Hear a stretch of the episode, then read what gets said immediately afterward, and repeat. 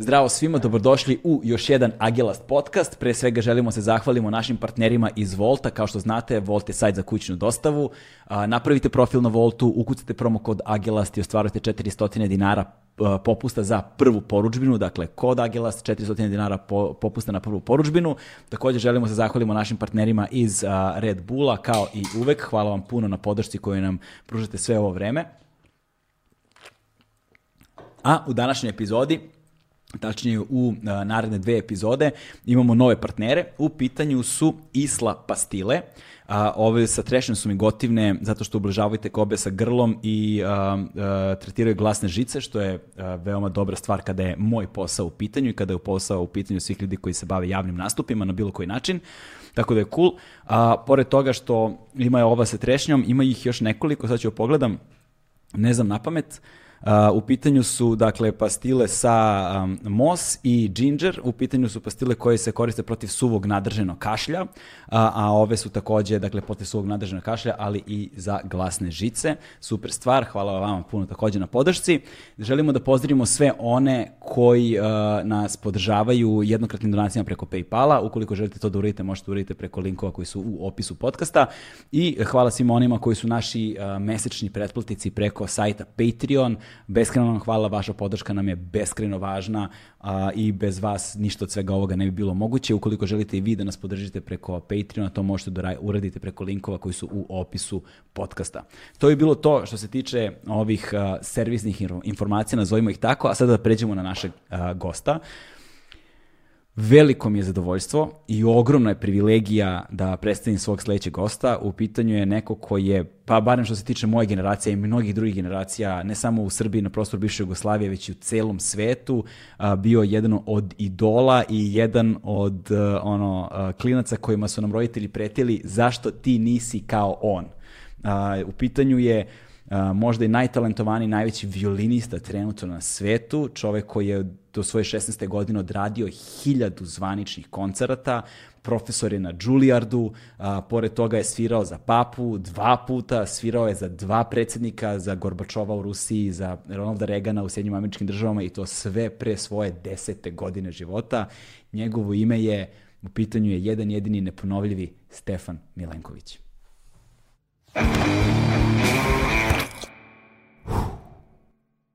Hmm.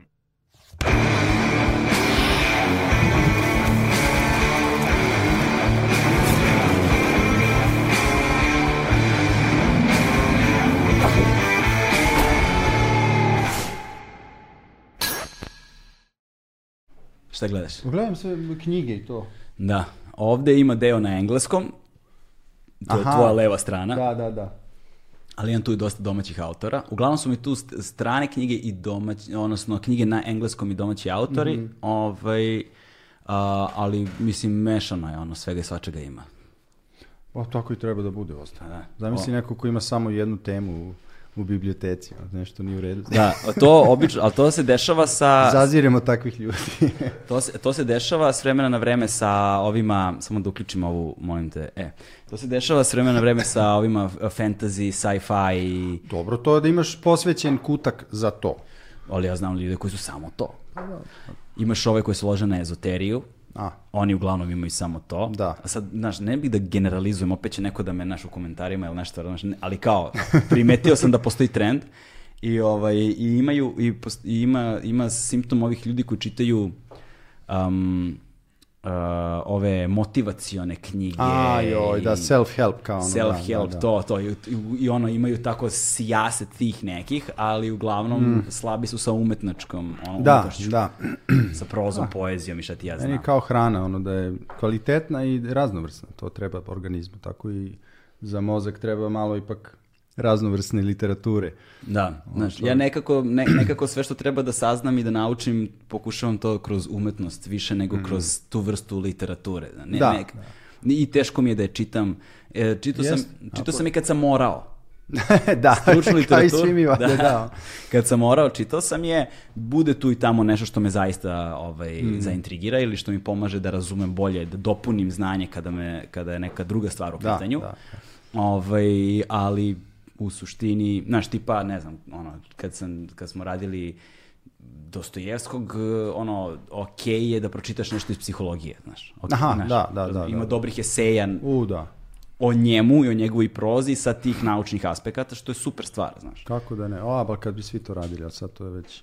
Ono, čekaj Dostojevski, sad ću da vidim, imam app, ono, imam, imam sumarum, ono, e, braća Karamazov za tri minuta da pročitam kao O, da. čemu se radi. Na Wikipediji, na Wikipediji, na Na Wikipediji. Wikipediji, Da, ali ti si sad si mi rekao da si uzeo celokupnu kolekciju Alana Forda na iPadu. Jesam, pa gde drugde da nađem? Mislim, bio sam ono, u Banja Luci u tom trenutku i ovaj mi prijatelj kaže, ja vidi izložba, e, Alan Ford, pomislim čoveče, od kad nisam čitao to. Bio sam u krevetu i ono kao, stvarno je najlakše da samo klikneš i pomislio sam, a to mora da postoji i postoji. Da, da. Za, eto, euro i po. Stvarno, aha, Sve kao. skenirano, ali nije isto jer ono scrolluješ ovako, nije to to, ali odmah mi je bilo smešno, mislim, to je, to je El, legendarni el, el zoomiraš ili... E, ne mora, ne mora. Tačno je tako kao je format. strana. Da, da, da, imam ovaj iPad Pro. I, inače iz njega čitam note. Aha, aha, e, stvarno? Da, pre toga sam koristio onaj drugi iPad koji je manji, pa kao i tad sam se palio i mislio da je to naj, ono, najgenijalnija stvar dok nisam kupio veći. I onda sam tek shvatio da nisam pre ništa video. Da, Da. sam većinom svirao na pamet. Ali sećam se, e, sećam se kad su se pojavljivali ti iPadi da se otvaralo pitanje funkcije tog proizvoda, kao, znaš, nije telefon, nije kompjuter, kao gde mu je mesto u društvu, ali vidiš, Pa jeste i fakat, recimo, ne bih ni uzimao ove veći da, da nije zbog nota. Jer je malo glomazan i to već graniči se sa laptopom. Da ne kažem i po ceni, što- ali baš kao dimenzije, to ti još jedna stvar koju vučeš. Moja torba sa kompjuterom, dobro, imam 17 inch, znači 17 inča laptop zbog gaminga, koji vučem sa sobom, ali u šasi od 15 inča. MSI, znači to je najbolja stvar koja se ikad desila u mom životu. Čekaj, Pored rođenja sina, ali ovo je ipak došlo pre. e da, ka, ka, kako je počelo to? Ljudi ne znaju, ovaj, ne, stvari ne znam da li nas znaju, ali da si kao ono die hard gamer. Da, da. Počelo je od početka, ono, Donkey Kong, eh, to sam se palio na to, da onda, pa ne znam, Atari, nešto. U stvari, pre toga Commodore 64, Aha. nisam nikad imao 128. I taj Commodore nisam znao da koristim, u stvari. To je ono kaseta sad. Da kao učitavaš Ja mislim da ovi mlađi ni ne znaju o čemu se radi uopšte. Šta je kaseta prvo, drugo da se nekad igrica igrala sa kasete. To isto i, i meni zvuči čudno. Ovaj, I onda te neke igre, pa Sega, Mhm. Sega i posle i onda mm, PlayStation, Shadow of Colossus, to mi je, o, volim fantasy. Znači šta god je fantasy, daj mi štit. e, ne treba štit ako imam ono oružje za dve ruke, buzdovan recimo. Da, da, da, Može da. i sekira, nije loše, i daj mi nekog zmaja da ga ono, Da ga gađaš. da ga gađam ja sam okej. Znaš, Čekaj, bio je, bio je neki, zaboravio sam baš to sa zmajevima, pa si onda mogao da uhvatiš zmaja pa da ga jašeš, ali neka legendarna, nije Zelda, možda jeste Zelda. Pa ima mnogo na tu temu. Neki su uspešniji od drugih. Da, ali bilo je baš kultno i to je bilo na onim ranim PC-evima. Nije Dragon's Quest, nego tako Moguće se da nešto tako nešto. Da. Da, King Quest, to je recimo prva igra na kao laptopu Compact, sećam se ovaj, da sam kupio prvi laptop, onda sam ga ono ovaj, pokrivao sa nečim da mi ne pada prašina. to je bilo 97. Da, Ko je to laptop bio? e, Compact, nemam pojma. Da. Neki ono 200, ne, ne znam, 200 megabajta ukupno. Ovaj, a, I onda sam imao taj King Quest igru i posle PlayStation dok nisam otkrio World of Warcraft. Ili drugim rečima ono crack. Znači to je... Da. To je strašno i onda sam tu ušao i to su me svi moji e, prijatelji, umetnici, u stvari violinisti su već bili napaljeni na to i to iz Njujorške filharmonije sa Juilliard i kao, znaš ti Warcraft? Ja kao ne, jer nisam igrao onaj Warcraft 3, odnosno Warcraft, ono kao real time strategy game ili Starcraft i to. Nego sam odmah ušao u World of Warcraft i to je bilo to. I od tad uvek, znači to provejava nekako, jer na turnejama često sam sam, 200 dana u godini sam na putu. da. E, dobro, do, Šta si bio u, u Warcraftu? uvek tank. Uvek. Uvek warrior, znači od početka je bio warrior i onda sam e, i to arms warrior, ko zna šta je to. Fury ne toliko, ali... Ovaj, Healer. I healer, posle sam ja sve, imam svakog lika na maksimalnom nivou, igrao sam sve uloge, DPS, sve, sve. I volim da lečim isto, sa druidom sam, zavisi od ekspanzije koji je dobar u tom trenutku, tako da sam u Legi reče sa druidom, I bio sam solidan, ono, radili smo plus 15, 16, što je za mene bilo dosta, ko zna. Znači sve ovo je ko, pričam na grčkom nekom, ali ko prati ovaj, to, ali, ali tank, to mi je, uvek se voleo Warrior, uvek se vratim na Warrior. Wow, čoveče, ovaj, ja se Da, sećam- wow. Da, Yes it is! da, da. e sad, ko je razumeo, ono, taj da, sad defini- stvarno, taj defini- World of Warcraft. To Da, taj definitivno igra, ono. Ovaj, uh, sećam se prijatelja, jedan moj prijatelj dobar, ovaj, neću ga imenovati, ali zna on vrlo dobro. Je Henry Cavill. Da, je, I on bio, je veliki, je, da. je bio, je bio možda najveći ono, uh, WoW A. die hard Brate, on je to igrao kod ide na posao. Znači, ustane i ono, između 12 i 16 sati, ne, znaš, prosto, prosto, ne, prosto Da. nerealno. I onda se pojavila ta ekstenzija, ja, ja sam zaboravio kako se to zvalo, beše, to je bilo ludilo. Neka 2005 na primjer, se pojavljuje ekstenzija za World of Warcraft. Ekspanzija, to je onda možda bio Wrath of the Lich King. Tako ne, ne znam, ne Možda, znam. možda ne- jedna od najboljih po meni. I znam da su se ono redovi čekali, da je bio kao worldwide Da, dropuje da, u ponoć i da se to čekalo. Ili Burning Crusade, to je prvo. Znaš, i, da, i, onda, I onda se to čekalo i sjećam se da on tada to čekao i ovaj... Kampo, ono spavao ispred ranje, verovatno. Da, da. I, ovaj, i, I kada je počeo to da igra, tada su svi njegovi životni problemi počeli da eskaliraju. I u jednom trenutku mislim da mu je supruga rekla, pa tad naš ono, oženjen se čekao. A još je bio u braku, to me čudi. Kako je dogurao uopšte dotle. bilo, bilo u fazonu, slušaj, slušaj, Da. ili, ili, znaš, i onda je, a, to je prvi put da sam ja čuo za tako nešto, posle sam čuo za još gomilu primjera, Da, prodao svoj nalog, Aha. ono, tipa kao na eBay, Da, tako da, da, nešto, da. i uzeo je u to vreme hiljadu i nešto funti, na primjer, i uspio da proda svoj Da. nalog. Da. To ima smisla neko ko je investirao, to su sati, pogotovo pre. Sad su to raz, pojednostavili malo, načinili tako da možeš da provedeš manje vremena da dostigneš isti rezultat, istu opremu, isti rating, šta ja znam, ali pre je to bio grind, takozvani, znači to melješ i ne znam, ako radiš PvP, to je znači ono igrač protiv igrača, a, ja sam to u jednom trenutku i znao, ono koliko ti treba, znači puta da budeš u tim battlegrounds, koliko puta treba da ubiješ ono, neprijatelja, da ti treba tim od 7-8 koji samo za tebe postoje, da bi ti mogao da ostvariš to, da bi bio neki general svih generala, da bi na kraju dobio neki kozmetični oklop u stvari, Da, da, da, da, da, se da. sad pušiš ono na bojištu, ovaj, ali to, je, to se prevodi u mesece i mesece igranja bez prestanka. I da, tako To je- da to to, je- me ne čudi uopšte. Definicija onoga što ljudi nazivaju socijalni kapital.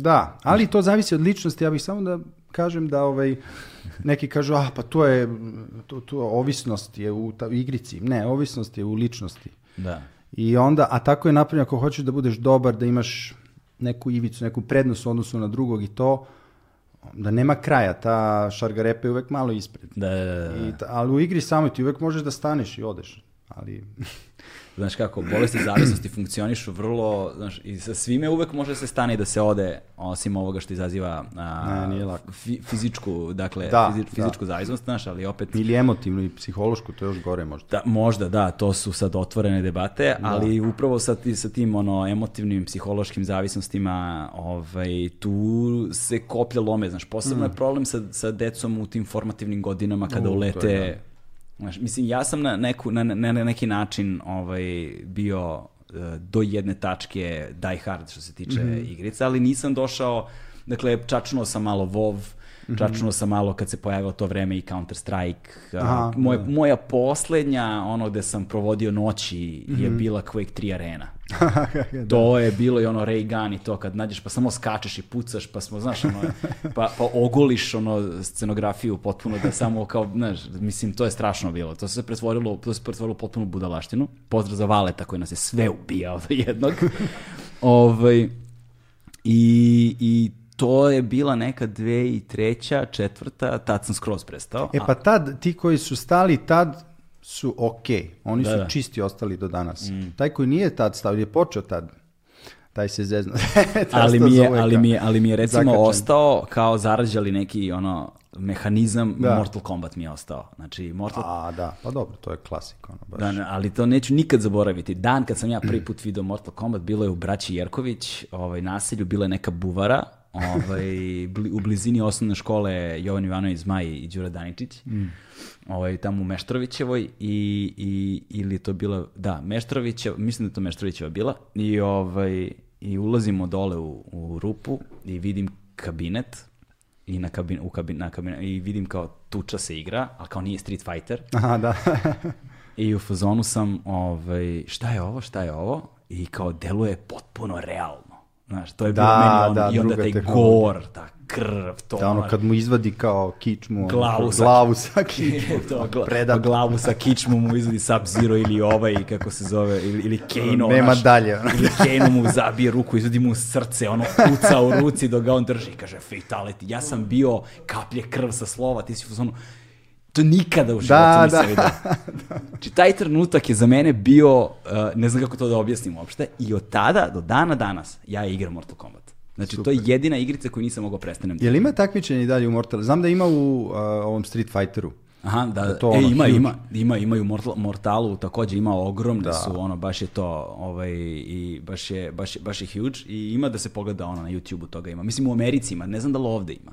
E, pa ne verujem, možda na nekoj maloj skali, šta ja znam, ali problem sa nama umetnicima u stvari, ako si puno na putu, ja sam oko 200 dana u godini na putu do korone, mislim, sad, ovaj, sad je sve stalo za sve nas, ali oko 70-80 koncerata godišnje, Stalno sam u nekom hotelu između probe i koncerta.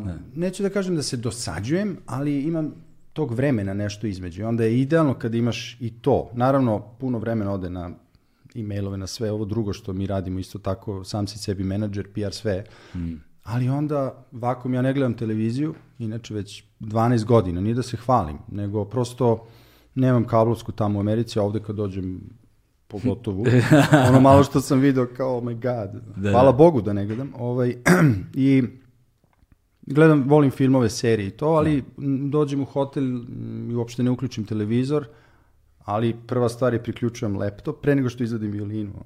Da. Laptop sve postavim i jedini zahtev mi je da ima Wi-Fi u sobi. Znači može bude bilo kakva soba, hotel, baš me briga, ali Wi-Fi ako je slab signal, Ne baš me da briga kako se taj hotel zove.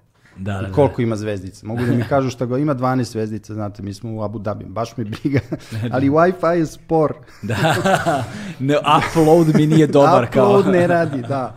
Da, nama, na, meni je isto sad, otkako radim ovaj podcast i to, i, na- praktično počeo sam da živim na internetu i, ovaj, i sad već duže vreme pričam o tome kao sumnut nikako da se iscimam da zapravo kupim dilerski telefon, da ne nosim više ovaj smartfon, zato što sve aplikacije su mi tu i konstantno sad pod izgovorom posla ja to refreshujem, gledam i ono povećava mi se broj sati, ono screen time, hoću se, ub- hoću se To je ubijem. boljka današnjeg života, mislim, za sve. Da, ali zato mi je i gde god da idem, upload, ono, znaš, treba da okačim epizodu, treba da, Da, radim, znaš, da, treba da radim, pogotovo, da. treba gomilu stvari da radim, živim od toga. Da, da, da. da. I kao, znaš, odem negde i onda te ljudi ne razumeju ovaj, kada si ono decidiran u fazonu daj mi dobar upload, znaš, to je, i kao treba mi neki dobar, da li ima kao landline, znaš, isto mi treba da, kao na Da. kabel, stabilnija je konekcija kada Da, si na da, kablu. da. Posebno što često i snimam nekada intervjue online i onda je potrebno da si na stabilnoj konekciji, znaš. Wi-Fi nije tako stabilan. Ne, ne, znam. Znači, reci mi, a, ovaj, pome, pominjao si, dakle, da si počeo sa Komodorom, a, a, meni je, Pa dakle, sve od početka. ono, sve da. od početka, ali meni, je, meni, meni su ono ostali, dakle, Paperboy je bila jedna od prvih igrica koju sam igrao. Jesi igrao Paperboya? Ne. Paperboy. Nisam, nisam zašao, recimo, za koju to platformu? bilo? Ja, da smo na Commodore igrali ili na, ili na Amigi, nisam siguran U na koje. Amiga, wow. Znaš, Amiga 500, tako nešto Blast mislim from da je. past. Da. to nisam čuo, Amiga. Ne sjećam se toga, to, na početku su bile to neke ono nešto, pikseli i onda već Pa se da, pojavio Atari i tu je bilo par, više se ni ne sjećam koje igrice, a onda na Segi u stvari bio onaj uh, Altered Beast. Što je to? E, to je... To je neki junak, mislim da je sve u nekom grčkom, starom grčkom dobu, neke mitska bića i tako dalje i on koji krećeš nivo, ja mislim da nikad u životu nisam prešao prvi nivo. Da, to ali meni- sam obožavao igru. to, I onda kao krećeš i onda kako, kako uzimaš ne znam koje poene, ubijaš neprijatelje, ti se pretvaraš u nekog ono vukodlaka kao i onda si super moćan. Uje, ne znam, nisam to igrao. Meni je, men, pa to meni je to, sa- što se težine tiče, prva sa kojom se na taj način susre bila Prince of Persia. A, znam. To je ono, znaš, dok sam ja skapirao point te igrice u jednom trenutku. Bio sam malo spor, da. Ovaj, ali ja se recimo na Segu nisam ovaj, primio dugo, meni je Sega, bila sam bio ono anti-Sega, za mene je SNES bio, samo ono Super, SNES, Super wow. Nintendo Entertainment System i to je za mene bio Donkey Kong, Mario, te stvari kao Da, to, da, da, da. Tu sam ostavljao, dušu sam ostavljao tu. Ovaj, I Segu sam izbegavao sve dok se nije pojavio Boogerman. Boogerman. Boogerman dok se nije... Dok Reč, ono, da, da, ime. Da. Ne, ne, znači, znaš ko je to užasno. Znači, to je ono, or, ortak, razumeš, baca sline, prelazi, prelazi nivo tako što uđe u WC šolju, znaš, prdežom ono ubija protivnike, mislim, totalno. I skuplja one četke. Užas. Četke za WC, no, mislim, znaš, sve zeleno Sad moram da nađem to, moram da vidim kako to izgleda. Da, Boogerman je ludnica, znaš, to, e, to kad sam vidio, i tako da vidiš, imam ja tu neku sklonost ka tom goru i ka tom ekstremu i tim stvarima, na. Ali to je zabavno super. To je tad i bio početak čoveče, kad Mm. nešto razmisliš. Sami počeci, pre toga nije ni postojalo ništa, osim onih loptica, ono dve loptice između kao. Da, da, da, da. Ovaj, i, da, i onda već uh, PlayStation se pojavio i tako. Ja sam mislio, konsol je prosto mm, odgovor na sva pitanja. I kako uopšte možeš da igraš igru bez džojstika? I oni koji su kao igrali PC games, to nisam razumeo da ti nešto pipkaš tu na tastaturi, dok nisam onda probao Warcraft. Da. I to mi je trebalo malo da ukapiram kao mouse, nešto. Ali jednom kad Kako to... beše SW TR, ne? Di, Šta kažeš? da, VSD. VS da, Da, da, ali tu to. imam, mislim, sad tu imam hiljadu nekih makroa, to su preprogramirane radnje. Pa da, normalno, mislim, znaš, ono, pa ovde je klik, sve da bude instant, da ne gledam više dole uopšte, nego moram da, pošto sam tank, ja sam odgovoran za grupu. mislim, gde ja tu i svi mi, sad, ono, hey tank, man, what the hell that? Koliko su puta se drali na mene, onda sam stvarno odlučio da moram da budem bolji. Da, da, da. To je blam, niko neće da bude tank. Jer si uvek kao prvi i ako ti zezneš nešto, okreneš bosa, ubije celu grupu, uvek si ti kriv. Je se igra u različitim vremenskim zonama. Da, pa u stvari ja sam na američkom serveru, brat mi isto igra, on je u Evropi, pa nekad. Ali ono što sam teo stvari da kažem još pre je to najbolji aspekt te igre ili bilo kojih igara, pogotovo ako su MMORPG takozvani, znači ono massive, masivni multiplayer online igre, je taj društveni aspekt u stvari. I onda ako, ja znam da sam mnogo manje igrao ako nemaš s kim, nemaš grupu ili nisi u nekoj gildi ili kako se to već zove, ovaj, e, tamo, bio sam i u gildama i tako, ali onda je to i e, obaveza, vremenska obaveza, da sad ti moraš, ne znam, određenim danima. To nisam nikad mogao, zato sam se uvek fokusirao na ono manje grupe od pet i tako, ali ako imaš društvo, i kažeš, hej, ajde se nađemo, ne znam, za dva dana, utorak uveče možemo malo, to je onda super zabavno, onda je Da. igra samo razlog da se ono, nađete i zezate u stvari. To je, tako da tu vidim jednu vrednost i ako ostane na tome, to je, to je lepo, neko odigra futbol, neko radi i to, Mm. neko tu i tamo umesto da sedneš i igraš karte ili ne znam Dungeons and Dragons, uh, sedneš i odigraš par sati sa društvom i to je zabavno. Jeste. Da, a je ovaj, e si cepao LOL ili Dotu možda? E pa, jesam League of Legends probao dok nije izašao Hero of the Storm. Heroes of the Storm, to je Blizzardova verzija i to mi se onda više dopali, to sam dugo igrao isto. Ajde, daj mi sada top 5 um, igara, pa da završimo s tom temom. Da, da, stvarno može. Ovaj, ja, ovaj, a, pa, m, iako WoW ostaje kao nekako podloga za sve, e, Dark Souls. Cela serija Dark Souls, to je ono baš za hardcore, možda budeš uporan, teška igra i tako. Ali Dark Souls, Skyrim, uh, Shadow of Colossus, WoW, uvek, pi, ajde da dodam još jednu, ne znam ni ja šta, neku ono stariju, ne znam ni ja. Uh, Iko. Iko? Eko, E-C-O, mislim da se tako, to je japanac jedan koji je radio i to je baš, to je kao igra puzzle cela, znači stalno rešavaš nešto i to je užasno neobično i svaki put kad je iza igre japanski kreator te igre su neobične. Da. Atmosfera, muzika, sve je čudno. Eko, to je strava igra. To, ne znam, evo, ono tad nije ni napravio. Svi čekaju neki nastavak. A kada, kada, desi. kada je to bilo? Koja je to godina? U, pa ima 10, 12, 15 godina. Aha, znači posle 2000 da, da, govorimo. da, to je da. ta Shadow of Colossus, Iko, to je taj period bio. Eto, to je pet. E sada, kako si uspevao da kombinuješ ono, sve to sa svojim životom koji je, pa brate, znaš, sve samo neuobičajen. da. Mislim, kapiram da je tebi tvoj život normalan, Pa i nije baš. Kad nešto razmislim, ono, stvarno i nije baš. ali u odnosu na nas, ono, obične smrtnike, znaš, ti si znaš, živeo jednu sasvim drugačiju verziju svakodnevice.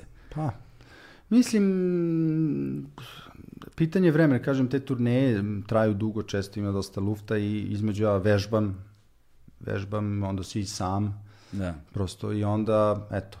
Ali, jedini način da se sve postigne je neka organizacija vremena.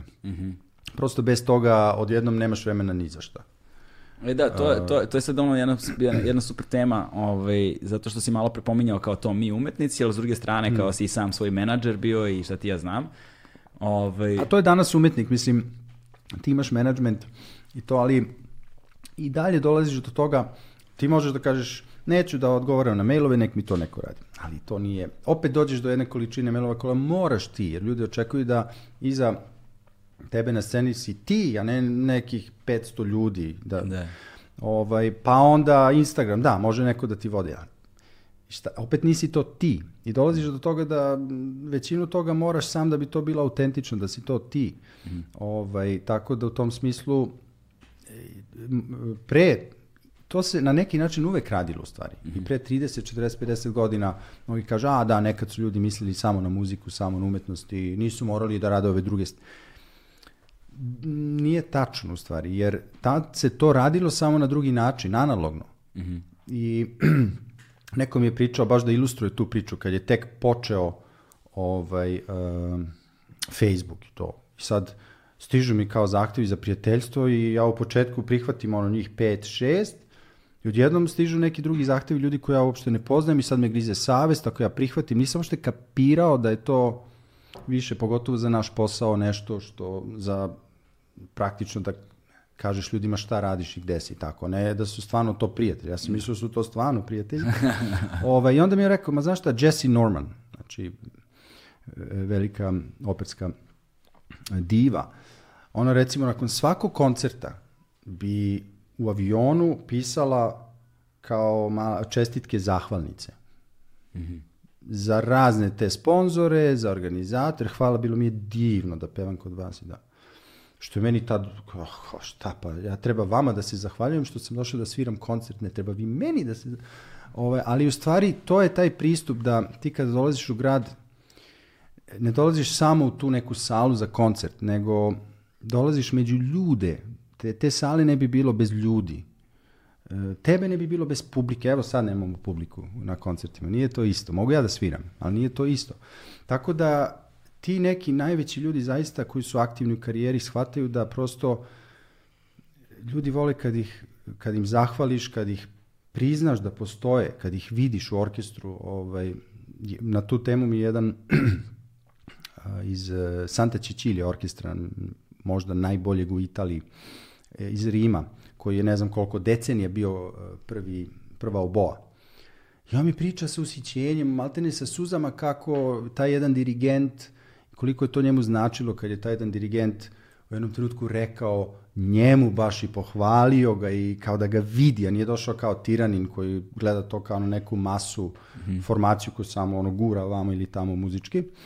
I uglavnom, to je taj ljudski element i to je ono što mi radimo, ali danas ima toliko toga, zahteva vreme u stvari, a treba i vežbati. I onda tu već nije lako. To zaista nije lako održati i kvalitet, a opet da si u toku sa svim, a onda imaš možda i familiju i to, to već nije lako. To, i, ovaj, I pritom da ne govorimo o tome koliko energije to s druge strane uzima. Da. Dakle, nije, čak, čak i kada organizuješ vreme, čak i kada imaš taj ono, Da. džep vremenski, pitanje je, znaš, kako se osjećaš, da, da li imaš ono fokusa, snage, koncentracije, da, li da nisi emotivno iscrpljen, da, da ne? nisi psihološki izmoren, da nisi iznuren zbog nečeg drugog, fizički možda od treninga, od čega god. Ma da, evo jutro, znači, Mi smo sinoć to snimali, ceo dan je bio užasno zamoran, to je već epilog četiri dana i proba i svega.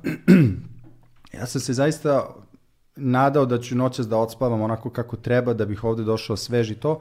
I juče pre, nakon tog snimanja, da li bih mogao da dođem u televiziju u 9 ujutro, mi, ja sam bio u Novom Sadu, da dođem u Beograd. Znači moram da se probudim u 5.30, 15 do 6, to znači spavao sam 4,5 sata. Da. Ali, ali u stvari mislim da je mnogo lakše kada prihvatimo da postoji jedna varijabila u životu koja je neizbežna. Da. I da smo ljudska bića. Taj koji očekuje neko savršenstvo u svakom trenutku ili ostavi neki komentar, ne znam, ovaj, pa ne deluješ mi baš očešljan danas, taj nikada nije radi ovo. Da. Ni ovo, što zahteva ipak i pripremu mm -hmm. i sve, nije ovo samo uključiš iPhone i snimaš nešto. Ovaj, nego tu ima produkcija koja nije mala i uh, jedan nivo i to, sve to. Ovaj, a kamoli neku drugu aktivnost da je na turnejama stalno. To je zahtevno, da. Da, da. To je, to je apsolutna, apsolutna istina, ovaj, ali a, sad, znaš, ti na sve to kad dodamo i gaming tvoj, onda...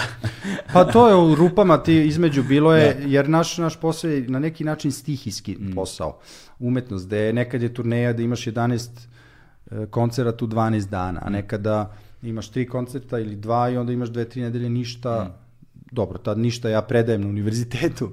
Ali... Da, je, ti predaješ, brate, Ima ti u to, ili, Illinoisu predaješ. Da, tako, da, da, da, evo još do maja. Ono, do... U Illinoisu, ali si nešto i na, sa Juilliardom si nešto radio? Bio sam tamo 10 godina, dva, dve da. godine kao student. Brate, Juilliard, razumeš? Izviniš da se prekinuo kao, znaš, kao to je ono... Pa jeste, nije loša škola. kao, ja, ja, ne, ne, to, to, e, sti, stići ćemo dotle, mislio sam, da kre, kretat ćemo se kroz tvoju profesionalnu karijeru, ono, linearno, hronološki. Trebalo da skinem vrućina, ljudi. Pa skini slobodno, šta? Jel mogu, a malo čuo sam se. Skini, skini, skini slušalice, okay, lepo, evo, odmakni, samo sekund, odmakni ja, mikrofon, skini slušalice. Super mi ovde, nego odjednom mi je ono kao... Ovaj... Menu pauze. To.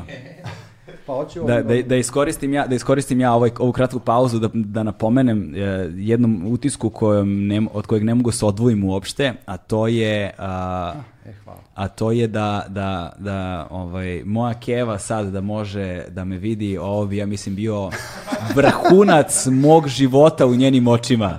Samo nemoj da mi kažeš da ti je rekli, govorila kad si bio mali, vidi kako ovaj mali svira. Apsolutno tačno. Bože me se, Čekaj. izvini, evo ja ti se, po ko za koji put se izvinjavam ljudima što je to bilo tako stvarno. O, dakle, užasno je How's teško. Odlično je ti kosa. Ovaj, Ovo što je ostalo. Ovaj, užasno je komplikovano objasniti mlađoj generaciji ovaj fenomen eh, Stefana Milenkovića. Eh, dakle, to je, mislim da je zaista to ostalo kao jedan ono okamenjeni prostor u vremenu da, tamo negde koji ovaj je definisao cele generacije nas koji smo rođeni tamo ono od kraja 70-ih do sredine 80-ih. Dakle, da tu je ono Stefan Milenković bio, a kako bih to objasnio? Dakle, Amerikanci imaju Macaulay Colkina u, u, u ono Home Alone, je li tako? Samo to ono tad nije ništa snimio, ja sam nastavio da sviram. Tako je, e, da, da, da, da, znači, ali govorimo o tom tom, da, da, tom da. prozoru vremenskom. Znači, Amerikanci su imali Macaulay Colkina, mi smo imali Stefana fucking wow. Milenkovića. Dakle, to je bilo, sve što je bilo loše u životu, kako ovaj mali može, a ti ne možeš. Pa ne, Znaš, to kao... je stvorilo jednu mržnju koja traje i do dan danas. Znaš, ono, kao uvek sam ga mrzeo, one, one šiške. Nisam se ja sam šišao, ljudi. a on, neko... ono, u picanjen u, u, u fraku, brate, stoji, razumeš, pred ono orkestrom celim. Pa shvatam zašto bi me neko mrzeo. Ovaj... Koliko je to iritantno. a onda su bile, pri... a, onda, a, onda, a, onda, a onda sad kao mi sa na, našom pankerskom dušom smo bili u fazonu, ali brate, mi slušamo punk, mi vozimo skate, kao onda više intervju sa Stefan Milenkovićom vozi skate. je, evo, čak, je, čak je moj drugar, pozdrav za Tomu Bajkera, ovaj, Toma BMX, ovaj, kaže da je jednom od tebe kupio šmirglu za skate. da, sjećam se, toga nije bilo tek tako, onda se pojavio skate shop u Beogradu i kao, wow, jer to se sve kupovalo posebno. Da. Sklapaš uh, dasku, stavljaš mirglu, to mora neko da stavi ko zna. -hmm. Možeš ti sam da je nalepiš, ali mislim, ne izgleda isto. pa onda ono sovine, Independent, sećam se, to su da, da, da. kao pa Bones, ovi točkići neki tako. A u stvari nisam nikad bio dobar u skejtu, ali sam obožavao. To mi je, znači, Nisam propuštao vežbanje tek tako, ali ni lud ne bih propustio da se vozim svaki dan. Znači, to mi je bio ventil. To ono, kao bez toga ja štrajkujem glađu i neću da pipnem violinu, ako ja ne mogu da se vozim. I onda ako je loše vreme, onda bismo išli u podvožnjak. Nemaš Gde? ništa. Ma, tamo u centru grada Terazije. Na terazijama, aha. Ma bilo gde, samo se sklonimo od sneg ili kiše i onda dole se vozimo. Bio je dosta popularan ovaj podvožnjak eh, kod Franša. A, Kod Franša dole, a tu su posebno ovi što voze roške, oni su baš bili kao, eh, oni su to... Mm. pa kod platova smo isto dolazili stalno, to je kao punkt bio. I tako. Da, Ovaj, plato je bio za roške, trg je bio za skate. da, da, da. Na platovu su slušali elektronsku muziku, na trgu se slušao rap. to je ono, na manježu su bili, manježu su bili punkeri i metalci, tako Da, nešto, da. da, ba daš. Oni skinsi i nacuši su bili tamo kod Travnog, bila ona prodavnica preko puta. Tamo su- nisam ni zalazio. Da, da. Ko, ko će tamo da zalazi? Pazi, ja tek nisam zalazio. O, da, oj, oj.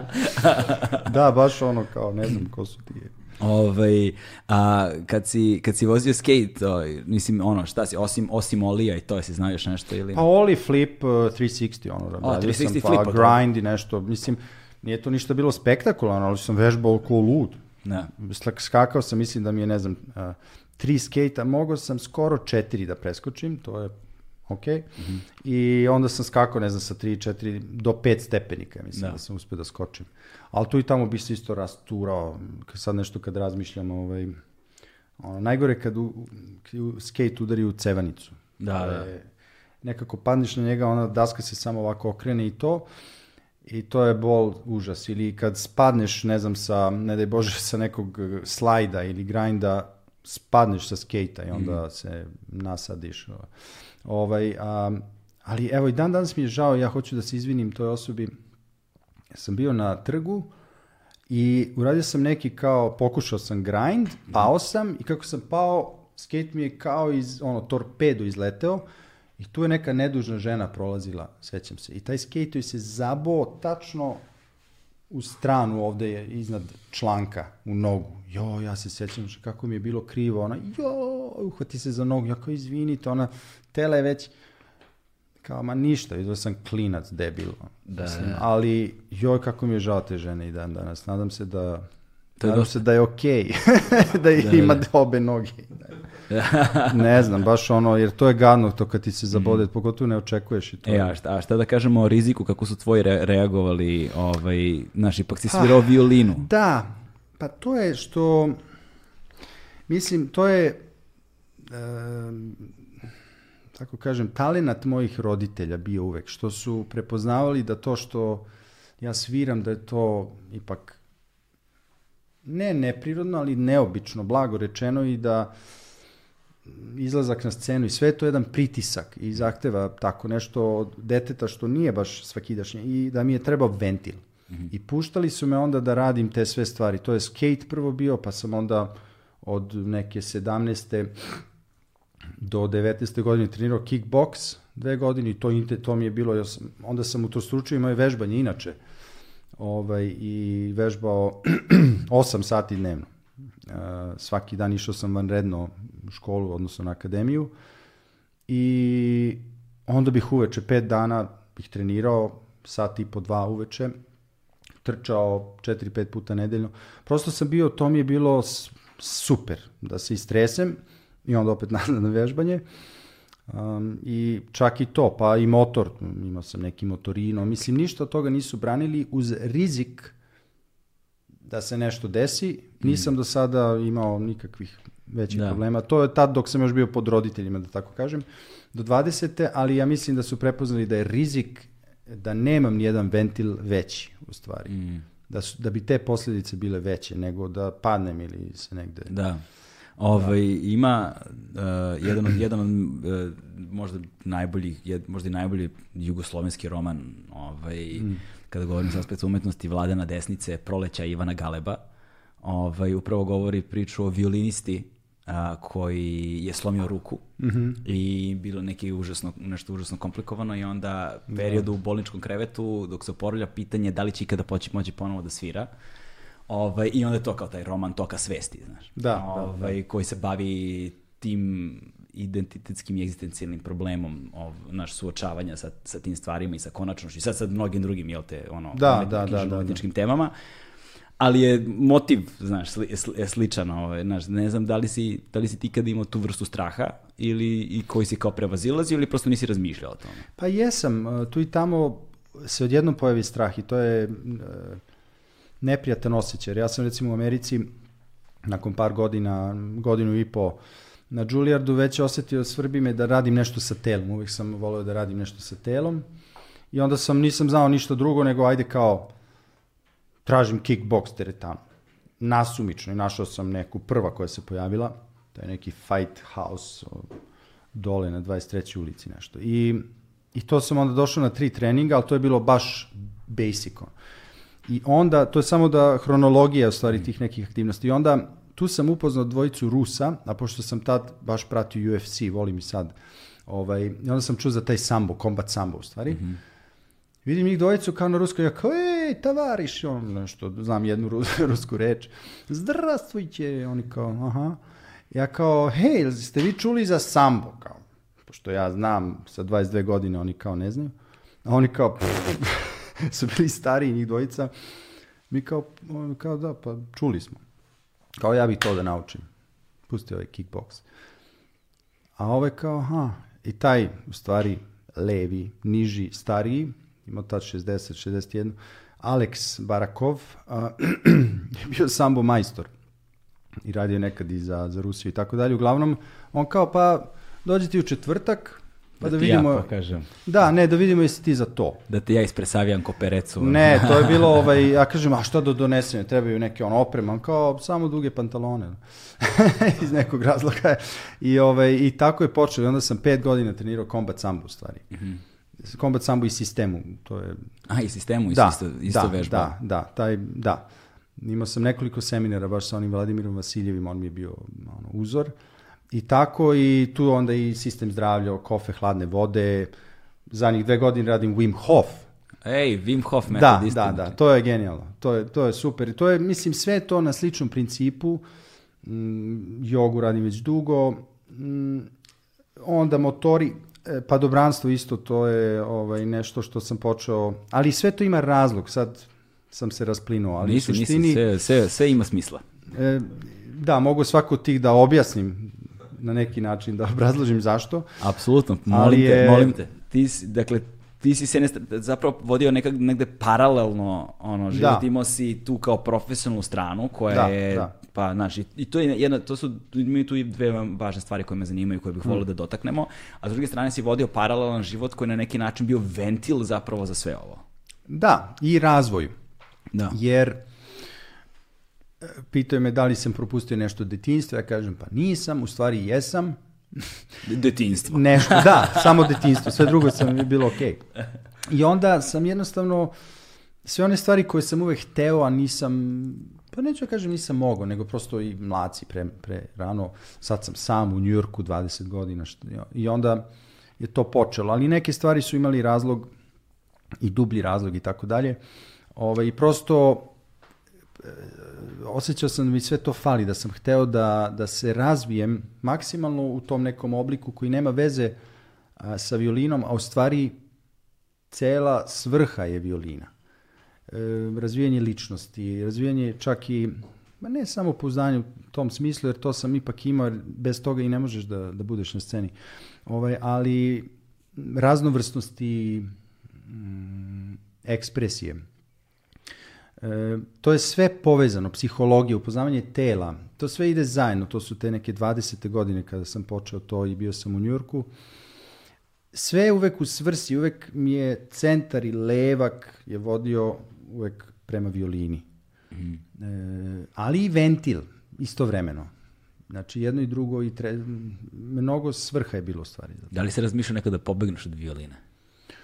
Pa tako sam i Kao, bežao. jednom nedeljno. Da, da, jednom, ne, jednom dnevno. Pa, znaš šta, da i ne, jer uh, uvek dođe, ne uvek, ali često zna da dođe do nekog zasićenja, do, normalno do umora, pogotovo kad se zgusne neki period i tako, ali dovoljno je uzeti neku pauzu i meni je dovoljno, pošto nisam navikao da stanem potpuno, da ubacim ono u, u ler, nego mogu samo da usporim, ali ne mogu da stanem, onda bih samo preusmerio pažnju i dovoljno mi je bilo da me nešto dekoncentriše od violine. Ne da odem, ne znam, da ležim na plaži dve nedelje. To mi je bilo nezamislivo do nedavno. Sad kao učim kako to, mislim da znam kako, Da. ali generalno moja ideja odmora je da radim nešto drugo. E, I onda, to mi je okej, to mi je dovoljno da me osveži da kad kada vratim svest prema violini, ja sam se resetovao. stvarno. Da, tako i moja žena isto. Ne. Odem, odemo na odmor od 24 sata u toku ono, dana. planinari, ono, 30 kila. Da, da, to, je. pa sad smo bili ono planinarile. e, pa eto, pa ovaj, ono, dan traje Kao 24 čega da se sata, odmaram, da. ona, nam, ona nam sabije ono 20 sati obaveza, znaš kao. Aktivnosti, pardon, aktivnosti, Da. aktivnosti. Izvini, ljubavi, volim Naravno. te. Ovaj, i ja isto, mislim moju ženu. da. Moram to odmah da kažem. Da. Ove, a, e sad, ove dve stvari koje, koje, koje me zanimaju, da se vratimo u te najmlađe dane, Mhm. ovaj, koji su negde ipak um, kamen temeljac onoga što se kasnije sve dešavalo i onoga što da- ti dan danas živiš zapravo uh, ono, nisi se nikad zaustavio na, tom, na toj putanji koja Da, je krenula da. u tom trenutku. Ovaj, o tome kako si otkrio violinu i tako dalje ćemo pričati, ali me zanima uh, uh, prva stvar koju sam primetio kod ljudi koji su izuzetni u nečemu i postignu, i, e, dakle nisu, nisu svi ljudi koji su izuzetni u nečemu postigli uspeh. Naž- nažalost, Mm, da, da, da. nažalost dešava se iz milion jednog razloga Prosto Naravno. život je jednačina sa puno nepoznatih i ne možeš da... da Ne, puno okolnosti ima. Treba Da. imati i sreće. Tako je. Da, nije, nije dovoljno biti dobar samo u nečemu. Da. Ovaj, I, i a, dakle, ljudi koji su s jedne strane izuzetni u nečemu i postigli određeni uspeh, ovaj, svi su se u jednom trenutku suočavali a, sa usamljenošću, a, jer na vrhu je vrlo usamljeno mesto. Posebno ljudi koji su u takmičarskim elementima, znaš, recimo I sportisti. na vrhu i do vrha. Do vrha, da. Jer ljudi ne razumeju kao, ej, pa slava je, e, pa rođendan je, pa nova godina je, pa ne znam šta je, pa čekaj, to je rođendan. A ti moraš da radiš i onda prosto oguglaš, odnosno desenzitizuješ se na, da propuštaš te neke stvari koje su bitne i koje ljudima znače, ali ti prosto imaš cilj i nisi ga još nisi ga još e, nekako realizovao, a cilj ne mora da znači krajnji cilj samo, nego cilj dnevnog treninga ili nekog, neke strukture koju si postavio. I onda tu se razvija od početka ili već postoji sposobnost da blokiraš sve druge distrakcije. Sve. Znači ne postoji ništa, samo se isključi sve i postoji samo to što je sledeći, sledeći objektiv. Tako da ta samoća, to je i problem, u stvari, i izvini što sam te prekinuo, ali Ne, ne, nisi, ovaj, e, dok dođeš, to su sati, sati, sati, dani, meseci vežbanja sam u sobi. I recimo, to je problem sa mnogim muzičarima, ja mislim, do nekle možda i sa mnom, što ti ne razvijaš društvene sposobnosti.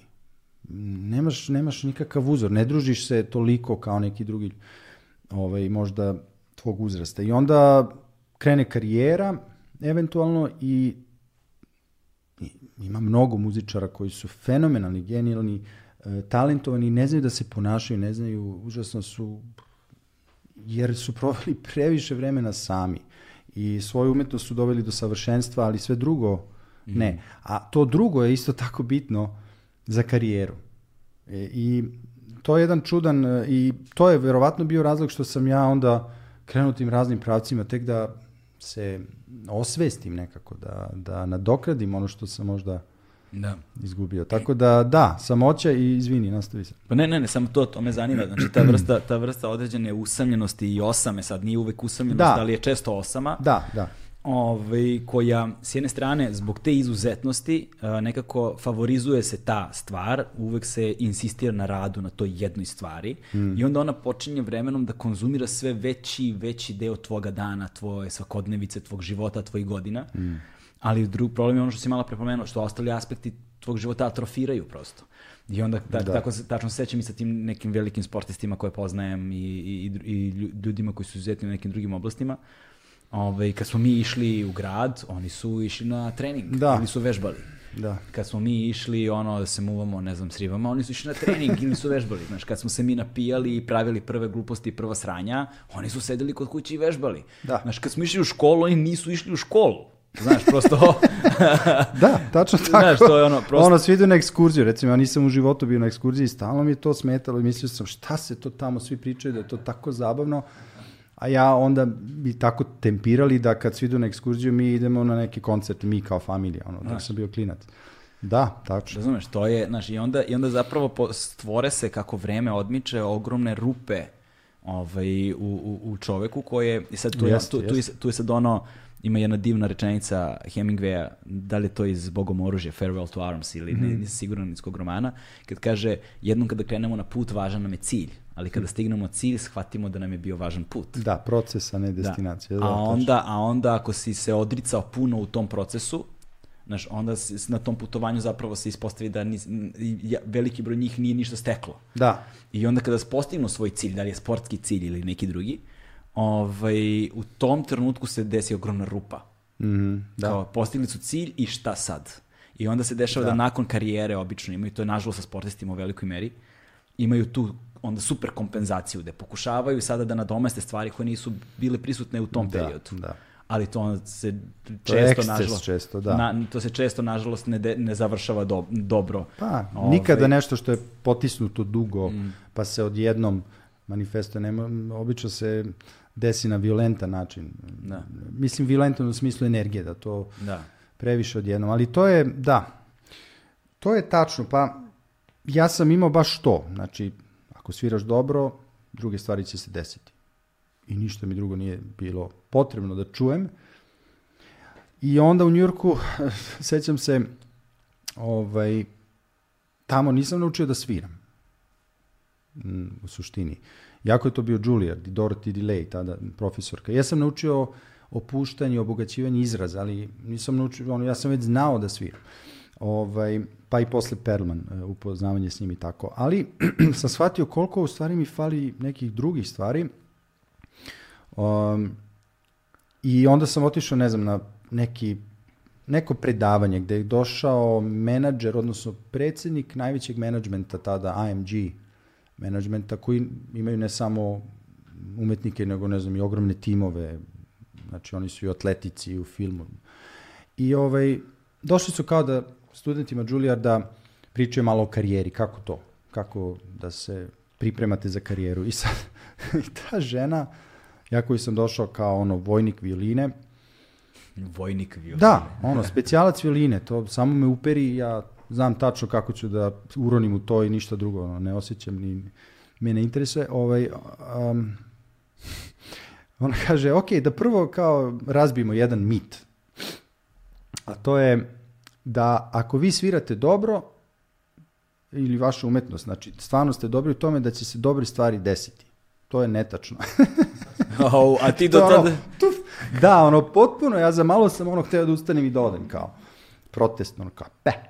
Ovaj, I onda je krenula priča kako, koliko je tu drugih mehanizama i odnosa s tim, jer tamo recimo ne postoji ono grad, država, nešto koji kao podržavaju umetnost, to ne postoji, nego su samo osobe, privatne osobe, spo, mecene, sponzori.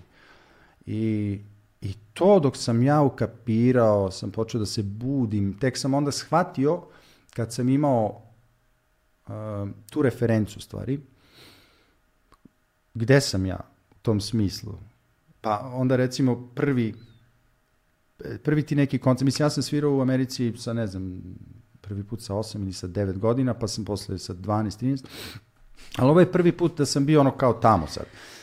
I, I onda su mi rekli da, taj prvi management koji sam imao tamo, Young Concert Artist.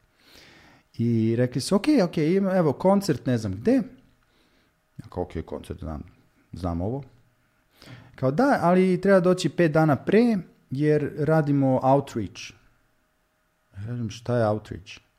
Pa outreach je kao ti uroniš u stvari u zajednicu, u grad u kom, koji si došao i ideš sad kao umetnik u škole, u um, nekad u bolnice, u domove za starije, nekad u... Znači, ja kao, aha, šta radim tamo? Pa kao, lecture demonstration. Opet nikad čuo. No, ja kažem, šta je to sad? Jer sad kao neki drugi posao. Mm Toliko si uperen u jednu tačku da ono kao, ove, pa kao to je da ti 45 minuta sat pričaš o tome što radiš, malo odsviraš nešto, onda ti studenti ili deca pitaju, pitaju. Ja, kao šta je sad to? Uglavnom, počeo sam to i ispostavilo se da sam nakon, ne znam, tih prvih iskustava bio dosta dobar u tome. Ono, bio sam smešan ljudima, valjda zato što sam bio toliko ozbiljan da je nemoguće da je neko u stvari stvarno tako ozbiljan. Da. Evo sam on i on akcent. Znaš, sve ono je bilo to smešno, ja mrtav ozbiljno, vešan kako... I vidim, ljudi se smeju stalno ja kao, zašto čoveče, ono, baš se me više, više nervirati. Ove, ali od tog modela sam razvio, to je počelo zaista da mi se dopada i počeo sam to da radim i u Evropi gde maltene niko to nije radio. u Stvari, a to je da na resitalu koji traje sat i po recimo bez pauze, ja kažem nešto ljudima, pozdravim se, odsviram nešto, kažem nešto o delu ili o kompozitoru, neku anegdotu. Minut, dva. E, pri kraju možda uzimam neka pitanja. Ovaj, i, I ljudi onda stvarno imaju šansu da upoznaju tebe u stvari, ne samo kroz muziku, nego tebe kao umetnika, a i ti kad nije onaj mrak strašni u sali, u stvari vidiš tu publiku, čuješ te ljude. I... Tako da to jeste američki model, neki, sećam se u početku kojem se kao nije dopadao. Mm -hmm. Kao šta ti imaš da pričaš na sceni? Pa ne moram da pričam, ja ne moram da pričam ni ovde, Da. Mogu samo da se pojavim na sceni, ono, da odsviram nešto i odem, vratim se odakle sam došao, ali šta je tu, gde je tu ljudski faktor? Pa da. Da, to da si zapanjen sa nekim idolom na sceni koji je nedodirljiv, to je model koji je postojao i neki su bili uspešni u tome, ali ja mislim taj model umetnika više ne postoji. E, to je uglavnom, ali da bih razvio sve to, sad se vraćam, malo sam ovaj otišao, ali morao sam sve ove druge stvari da iskusim i da uradim. Pored muzike. Da. E sad, ovaj, da pokažeš zapravo svoju ljudsku stranu. Ma da, i u sebi da razvijem to, da se rastresem, da, da. Ali je, ali je važno pokazati tu ljudsku stranu takođe zato što ljudi koji su izuzetni u nečemu, onda oni dobijaju tu um, uh, ono božanstvenu dimenziju nekoga ko zapravo ne prolazi uh, strahove, sumnje, uh, predrasude, probleme svakodnevnog života. I baš naprotiv je stvari to. Znaš, e da, a zapravo, ono, ti si Da. od malih nogu trpeo to, znaš, ono, ono, all eyes on me, što bi rekao. To je, ja sam dugo sebe gledao donekle i sad, e, što je kao klinac kod koga prepoznaš da ima neki borbeni duh, jer ga šutno jednom i on je rekao, "Ah", Da. kao, kao, aha, i onda mu daš drveni mač i baciš ga u arenu sa nekim malim lavom, ono, ovaj, Da. da. se rve. I onda sve, jer ima taj instinkt, ali u tom detetu je uvek strah. Mm. Tako da ja sam bio bacan u arenu odmah jer sam umesto da se skupim i okrenem, ja bih se okrenuo prema i napadao i borio se. Ovaj, i, ali to nije uvek prijatan osjećaj u suštini. E, nego prosto instinkt i neko ima taj instinkt, neko ima drugačiji, sve to i prirodno. Tako da posle sa godinama to prerasta i dugo sam radio da to stvarno da nije borba na život i smrt svaki put koncert, nego da je uživanje ovaj, i da sam, da prirodno tome pristupam, da tako kažem, ali u početku, i recimo, ima umetnika koji baš to, moja a, bivša žena, bila je i dalje veliki čelista, ali ona, ne ali, ali recimo, ali, Da. njen e, pristup je bio, bilo, imali smo trio e, dugo, i inače Jermenka, i ovaj, ona recimo na dan koncerta ne bi pipnula čelo, što je za mene nezamislivo, sad mi je zamislivo jer znam kako bih u toj situaciji svirao i dalje. Recimo za Adama, je bio pijanista u našem triju, nezamislivo. Znači on je morao da odsvira svaku notu koju svira to veče na dan koncerta, pre koncerta. Ono. Inače nije spreman kao, iako je spreman odavno. A ona, naprotiv, znači ništa, ništa, ništa, ništa, ništa i onda na scenu je šutneš i taj osjećaj da je ona kao leđi mu za zid, Mm. da mora da svira i onda vulkan ono. Da. To je pristup. Da. I mislim da budeš na sceni treba e, nešto tako. Kao i u borbi ili nečemu, treba nešto tako. Da, zanimljivo je na koliko načina će ljudi pronaći, na koliko načina će ljudi pronaći načine. ovaj, na, na koliko načina će ljudi pokušati da ovaj, prevaziđu određene, Mm. oko, određene okolnosti i zaista ono, sto ljudi, sto čudi, tu nema, nema šta, ali a, s- znaš, za razliku od Mekoli Kolkina, ovaj, ti nisi odlepio, znaš, znaš, ti nisi odlepio i nisi otišao u jednom potpuno drugom Nisam, smeru. potpuno sam normalan. Da, a pritom, ovaj, ako posmatramo zaista, to je ekstremno redko da imaš a, te takozvane, kako, kako su vas sve nazivali, wunderkidove, Da, ovaj, da. a koji nisu načisto poludeli. Ili prolazili ogromne, velike komade kriznih perioda, posebno u formativnim godinama. Jeste, jeste. Ovaj, e sad, to je ono, kako si ti gradio zapravo svoj karakter, kako si se čuvao svega toga, jer to nije normalno odrastanje što si imao, Ne. s jedne strane, ovaj, i kao kako si odolevao tim iskušenjima, a opet, kako si gradio svoj karakter i svoje samopouzdanje, jer bez obzira što ti znaš da sviraš, brate, ti si imao koliko, ono, šest godina kad si nastupao pred publikom. Da, pa prvi koncert sa tri. ovaj, mislim, koncert, to je ono, svirao sam dva minut. Ali, ovaj, da, pa, kažem, to je, to je nešto što prepoznaš u detetu i onda polako ovaj, kreće.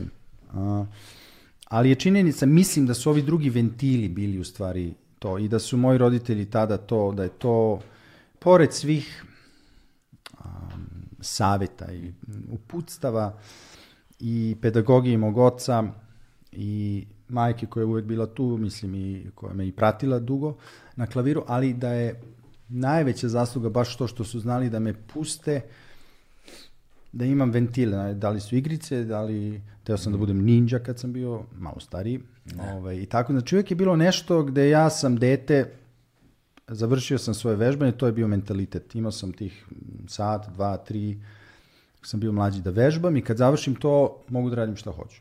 That was the deal. That's the deal. I ja sam radio onda šta, mislim, šta hoću, igrao sam se u tom smislu. Tako da, da nije bilo toga, ja ne znam kako može. I upoznao sam jednog, eh, neću sada da kažem koga, ali on je nestao isto u stvari. E, I e, mi smo se upoznali jednom gradiću u Sloveniji. Rekli su, to je taj taj, on inače peva. I, e, I on je, ja sam tad imao 11, on je možda imao 12 godina, nešto. I kao, eto, da se vi upoznate, da popričate. I sad, okej, i sad nas puste kao mi da se šetamo tamo tim gradićem. I krenemo da pri, pričamo, pričamo. Ono kao, hej, on, i kako si, ja, kao, pa dobro sam. Inače, ovako, kad putuješ i to, jel, voliš, šta voliš da vidiš u gradu? Ja kažem, pa, pa ja najviše volim, i koju zemlju najviše voliš? Ja kažem, pa najviše volim Španiju, zato što tamo imaju najbolji arcade, najbolje video igre, ubedljivo, i radnje sa igračkama. On kao, a kultura umjetnosti, a, a muzeji, kao, kažem, pa vidio sam i to, sad ne mogu da se setim nijednog muzeja, ono to stvarno me nije toliko interesovalo. Ovo, znači, on je bio šokiran što kao, mene ne interesuje sad da ja dođem u neki grad, ja sad, ne znam, či- čitam i gledam slike. To me stvarno nije tako interesovalo. I, ovaj, i onda, onda se sećam se, ovaj, on zbog glasa, recimo ušli smo u neku poslastičarnicu, Da. ja kažem, ajde ono, hoćemo šampitu, hoćemo krempitu. Kao, a ne, ne smijem zbog glasa. To je bilo leto, imao je i šal. Uje. Znaš, ono, i nije to to, nije to moj stil inače bio, ali eto, to je osoba koja, je kao taj izraz star mali. Da. On je već bio drugačiji tada i, i u stvari posle kada je mutirao glas i to sve, nije mnogo ostalo od toga svega, ali, ali eto, to je primjer nekoga ko veoma rano već je baš drugačiji, to više nije dete. Po meni neko dete koje kao idemo u ermitaž sa devet godina. Ono, who the hell is this guy? Da. On nisi moj. I moj otac je, i moj otac je govorio kao dan kada ti ustaneš ujutro i prva stvar ti je kao da uzmeš violinu u ruke, ja ću ti oduzeti za uvek. To je bila. Stvarno, a? Da. E, pa svaka čast. Do, ali taj dan nikad nije došao. Da, nije mi padalo na pamet. Kasnije sam se opsedao više stari, ali i u ranije ne. Kako, kako, kako si u, u, u tim periodima i kasnije u životu ovaj, gradio tu mentalnu staminu i gurao kroz dosadne delove, gurao kroz rutinu? Znaš, recimo ti sedneš i vežbaš, ti moraš da vežbaš satima svaki dan. Da, pa treba da imaš neku tako obsesivnost prema perfekciji prosto. Znači da ako nešto nije savršeno, da sediš tu dok ne postane savršeno.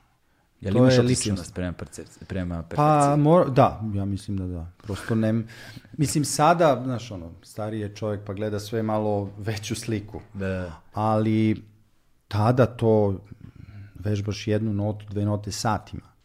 Doslovno satima.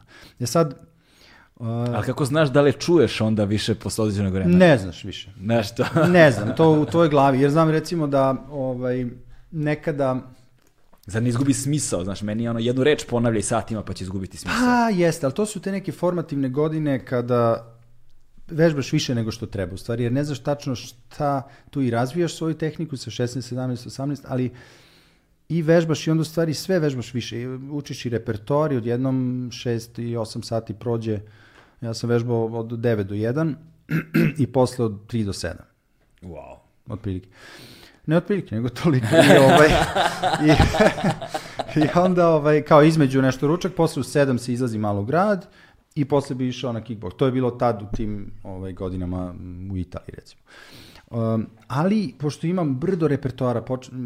kad se završio taj takozvani period takozvanog čuda od deteta, što ja sam sebe nisam nikada smatrao za to, onda sam utrostručio vežbanje u stvari. Jer odjednom nisi više klinac, nije to više tako atraktivno i sad ulaziš u konkurenciju, većina violinskih takmičenja, konkurencije do 30 ili 31 godine.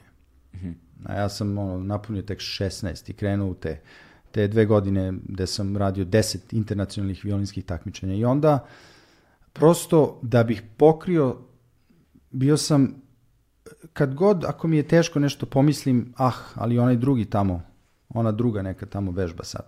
Da. Dok ja džaba lebarim ovde. Dok jedem čokoladu. Čekaj, E, ali, stvarno si razmišljao na taj način? Da, Stvarno. da. Ono, super competitive. Aj, mislim, Mislim, znam, nije- viđam to na filmovima, znaš, ali nisam nikada... Ne, jer kao, čekaj, ja, zašto, ja sad ne vežbam tamo neki, tad je bilo ono kao vidiš, Japanci vežbaju 8 sati, e, Kinezi, Rusi vežbaju 8 sati, svi vežbaju 8 sati, Izraelci vežbaju. Kažem, ja ću vežbam 8 sati i 5 minuta. Da. A ono što ja imam, e to oni neće imati. To je fleksibilnost možda izraza i to. I to je bila šansa u stvari. Ali tako, jednostavno, to je ono kad si, ne znam sada kako je, da li Novak je isto, ali, znaš ono kao, propustio sam trening, ma čekaj, ali za to vreme moj protivnik trenira. Da me satre tamo kad izađem. Ja neću da budem taj. A na tih Da deset, bude on taj koga ću ja da satrem. a na tih deset internacionalnih takmičenja, ovaj, koliko si ih osvojio? Pa bio sam deset puta u finalu. I to, ja ne znam za ikoga ko je dva puta prva, četiri puta druga nagrada. To je konstanta u stvari koja, za koju nisam čuo da iko. Ovaj, nekoliko, dva puta treća, dva puta četvrta, recimo tako nešto. da. Od des, ali to je, e, to je ogroman pritisak. Tu ja mislim da sam, meni su uvek bile hladne ruke, uvek su mi se tresle ruke, toliko da sam bio zabrinut, prosto pitao sam jednog hirurga kao za ruke baš. Kažem, meni se tresu ruke tih dve godine. Šta nije sa mnom u redu? Ono će biti okej. Sad je okej, mislim, ali tad. Ko ne, to će biti. Jer, mislim, hirurzi, on ako ne mora da se seče, Da. ti si okej. Da, da, da. Nije se udubljivao čovjek, a i dalje smo prijatelji. I ovaj, ali i to je 30, ako pogledaš, to je 30 etapa, jer svako uh, takmičenje ima tri etape, prvo, drugo i finale, i 30 puta ti se boriš i nervozan si i onda čekaš svoje ime, da li ćeš da čuješ, da li si prošao u sledeću. Ovaj, A imaš fazon 16 godina. ono. da, 16 i 17 i najčešće sam bio najmlađi u tim e, ovaj em, ali nismo videli tad je to su- to je bila 93 i 94 problemi sa sa zemljom Mm, sv- teško se dobila viza, bilo je pritiska, ja, vi Srbi, vi Srbi, vi Srbi. Stalno je to bilo isto. Ovaj, onda uđeš, ne znam, u konzulat neki tražiš vizu, oni te, ono, ovaj, onda ne znaju kako da te zovu, ne znaju koju si zemlja više. Ovaj, pa sam, na svakom takmičenju sam bio iz neke druge zemlje. Znači, u jednoj sam bio iz Srbije, na drugoj sam bio ex-Jugoslavija, treća, eh, ex-Jugoslavija rezident u Italiji, zastava, ne znaju koju zastavu da stave. Znači, ono, rasulo. I jedina sigurna stvar za mene je bila kako ja sviram. I to mi je bila i borba, kažem, e pa, PR, ok, negativni PR, ali evo, šta mi možemo. Čak me to motivisalo. Ne inat, mislim da je to pogrešna reč. Prkos. Mm. Da, evo šta mi možemo. Evo šta ja mogu. Ovaj, i... Evo kakvih nas ima. Da, i to me je motivisalo isto da i onda kad bi ovi što nisu prošli prvu ili drugu etapu, recimo, dođu i sednu prvi red. Takmičari, znaš, kao, ajde vidim sad ovaj što je kao prošao, ja nisam, e baš bih njima i svirao. da vidite zašto niste.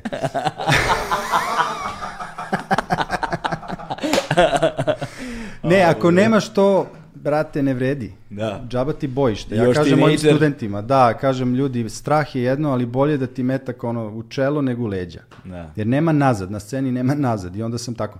Ali posljedice ja mislim da sam imao dugo doslovno onaj post-traumatic stress syndrome. Da, da, PTSD, ja. Ne oduzimam ništa od svih veterana na ovom svetu, to je druga priča, ja kapiram, ali kad je nervni sistem toliko izložen stalnom naporu, očekivanju i tako dalje i stresu, E, tu sam se onda dugo, to je onda ušla i meditacija i jogi, neke stvari da prosto da vratim Mir. e, mir i da vratim, kako bih rekao, em, kontrolu nad svojom fiziologijom ukupno. Jer nekada telo reaguje, ti si kao ok, ali telo nervoza tu i to onda i padobranstvo i sve posle, e, pa i ovaj Wim Hof, sve to u suštini da bi došao do toga da, da je to sve na jedan zdrav način stabilan, da se ne osjeća taj nezdrav strah, da sve radim zato što hoću, ne zato što moram i da trema je relativna. Znači sve je to u sklopu toga da bih se možda usavršio i donekle i balansirao i možda izlečio sam sebe. Ja nisam znao kako, jer ekstremne stvari zahtevaju nekad dugogodišnji rad i možda neke ekstremne ovaj, metode, da tako kažem, da se vratite u balans. Tako da normalan sam, ne znam više u stvari, ali mislim da jesam. Samo sam sam sebe lečio malo ono vatrom. Normalno i objektivno su reči koje mogu se pišu isključivo sa navodnicima. Da, Znaš, tako, zato pa i to je isto, šta je ali, normalno, da. ali, ali opet, dakle, definitivno se vidi ta slika s jedne strane taj ogroman pritisak i onda s druge strane ventil mora da bude podjednako da, tako jak mislim da da bi to se ti to, tasovi da. na vagi izjednačili prosto, znači Da, da, bi ti da. našao taj srednji put. Da. Ovaj, e sada, taj, ti pritisci, ono, jesi gubio san? U, ho, ho. da. O, pa da, to je u jednom trenutku, pogotovo imao sam jedan punkt sa 30 godina kada sam imao jedan e, fizički problem, u stvari uh, procurao mi je likor, to je taj CSF, e, cerebrospinalni fluid, ne znam kako bi ga preveo drugačije. To je zbog nekog na, naprezanja, šta ja znam, i, ovaj, i to je užasno redko, e, procep u duri i curi taj likor i onda pada pritisak u stvari u, u glavi, e, odnosno to je zatvoren sistem i mozak pliva u tome i kada to curi, pada pritisak, mozak tone i dobijete te, to nisu ni glavobolje, to je kao grč tu, jer mozak pritisne na sve ove nerve i jedino možeš da legneš, ne, ne postoji lek koji to leči, ovaj, dok se ne zakrepiru. Uglavnom, to je skoro mjesec dana, nismo znali ni šta je. Uh, ovaj, Ma može, daj. pastilu jednu ovu. Ma daj. U stvari, poslije ću da ne bi sad žvakao, ali hoću, znači kad Ok, napravimo može. pauzu. Ovaj, I to je onda, godinu dana je bilo mučenje, imao sam e, razne testove, pa nisu mogli da nađu, pa ubrizgavanje e, kontrasta nuklearnog, pa onda, odnosno radioaktivnog, ne nuklearnog, i onda, onda zeznu test. Ljudi se žale na, ne znam, sistem zdravstva, ljudi, to je svuda, svuda može da se desi greška neka i da tako da u sred New Yorka u toj jednoj bolnici su mi pastili taj jedan test, majlogram i cisternogram koji su radili, da bi našli gde to curi, ali to sam već proveo 5-6 mjeseci na leđima. Da, da. Ono, sav se sprčiš onako, nogice, ono, ne, Čekaj, ti sad imaš 44? e, pa 44. 25. januara, da. 25. ja, e, Da. 25. dva- 44, znači to je bilo ono sa, da, Da. pre 14 godina. Da, da, da. I onda, i na kraju operacije, ali ta operacija je bila um, eksplorativna, tako su to zvali. Znači, ne znamo dok ne otvorimo da vidimo, a nikad nisam imao operaciju pre. Uglavnom, taj punkt je bio ovaj, gde sam prvi put u tom jednom periodu uh, u- spoznao šta to znači kad izgubiš samopouzdanje ili čak i depresija. U stvari, šta je to? Ali da depresija nije ono kao ja, ja sam depresivan. Ne, nego je to fizički osjećaj. To nije misao samo. Može da bude, naravno, ali da je fizički osjećaj, to je čudno objasniti. To sam samo dotakao tada, jer je to trajalo iz mesecima i nisam mogao više da vežbam. Onda sam otkazao 90% koncerata, a zadržao samo najvažnije što je bila greška. U stvari, sad gledam, jer um, jer to je ono ogroman pritisak, a ja sad ne vežbam koliko inače treba. I sam sam sebi prosto napravio još veći pritisak. I tih nekih noći, to je bilo strava, kad ti ono, napadi panike, stalno ovde imam kao, imao sam kao jednu grudvu od stresa i tako dalje danima, danima, nedeljama, mesecima. Išao sam kod kardiologa, da nije kao ništa sa mnom, ne, ne fali mi ništa, to je samo stres. I tako, uglavnom, uh, tu, nakon toga, kada sam imao operaciju, kad sam se konačno, kad su me zakrpili to, rekao sam, ok, ja in, moram da, ili da nađem način kako ću da budem violinista bez, bez straha, jer nakon tih godinu dana prosto nije to bilo ono što ja znam da mogu. Um, ili ću da prestanem. Nema, zašto? Radit ću bilo šta drugo. Bilo šta. Ovaj, I onda sam polako krenuo da vraćam telo, tu sam jogu, sam ja počinio mnogo puta jogu u životu, pa ono kao, ako ne mogu nakon mesec dana da uradim lotos, pff, kao, neću. Ovaj, sad sam shvatio da ću to da radim do kraja života, da održavam sebe na taj način. Okay. Onda, ja se plašim visine, mrzim, znači merdevine, neke skele, ne daj Bože, ali ovaj, bio je planiran neki festival u maju, to je godinu dana nakon te operacije skoro.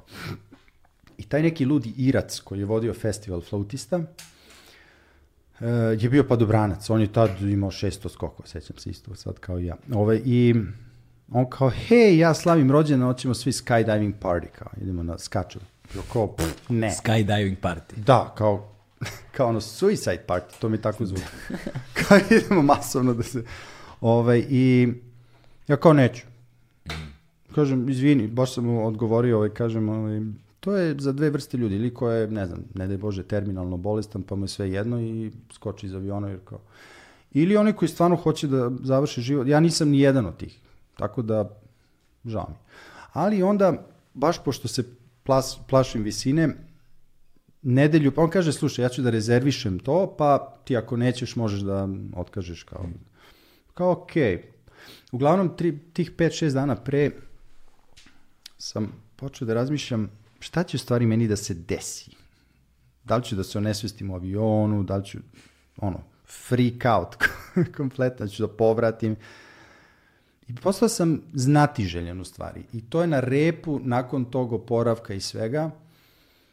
I sećam se taj prvi skok, ovaj, um, ono, pola ne znaš u avionu, uopšte nisam gledao napolje, nisam teo kroz prozor da gledam uopšte, gde mi to idemo, mislim, ideš gore. A gde, a gde je to bilo? Gde U si- Kaliforniji. U Kaliforniji. Divno vreme. On kao, oh, it's a beautiful day, yeah, man. Ja kao, he. Užas. Znači, ideš na, kao na pogubljenje, tako je meni to. I, ovaj, onda izlazak iz ove, ja sam bio polusvestan, ovaj, skroz, što uopšte nisam znao. I svaka slika, jedino što se sećam je kad smo izašli iz aviona, jesi kao spreman, ja kao, aha. I ono, izađemo i sad, jedina stvar koju, koju sam registrovao u tom trenutku je ka, tog vazduha kako mi se suše usta. Ja sam non stop oblizivao usta, ali to se instant suši, jer je vetar 200 na sat. I svaka moja slika, a pošto nisam ovaj, e, znao ni gde da gledam, jer ništa se ne pomere ovako. Obično ljudi imaju slike, znaš, kao yeah, a ne, ja sam potpuno... I onda tek se budim... Ovaj, Tebi svakako, Da. brate, sa exita, ono. Ne, stra... Da. znači, potpuno čovjek nije tu. Mnogo Ko je iz Dance. Arene. ono. Ali znaš, i onda ovaj kao... Prilazi mi odjednom taj fotograf u stvari. I on kao, ej, ej. I tu sam tek počeo da registrujem nakon 20 sekundi slobodnog pada kao sve to užasno nestvarno, mislim, normalno. Onda prilazi još jedan, pa da se slikamo. I onda se padobrani, ovaj, ali oni te kao treniraju ovaj, da ti povučeš padobran. Ako hoćeš, naravno, on je tu spreman da... Sa koje visine si skakao? Pa to je standardno 40.500 stopa, mm, 4 km i 200. A, okej, dakle. Pa da imaš vremena, to je, što više vremena, to bolje. Da, pošto imaju oni kao na kupolu do 800 metara, onda od 1000 metara ide na imaš ti krilo. bojevni pa- skok je 150 metara, ono, samo da dotakneš zemlju, a da se ne ubiješ. Da.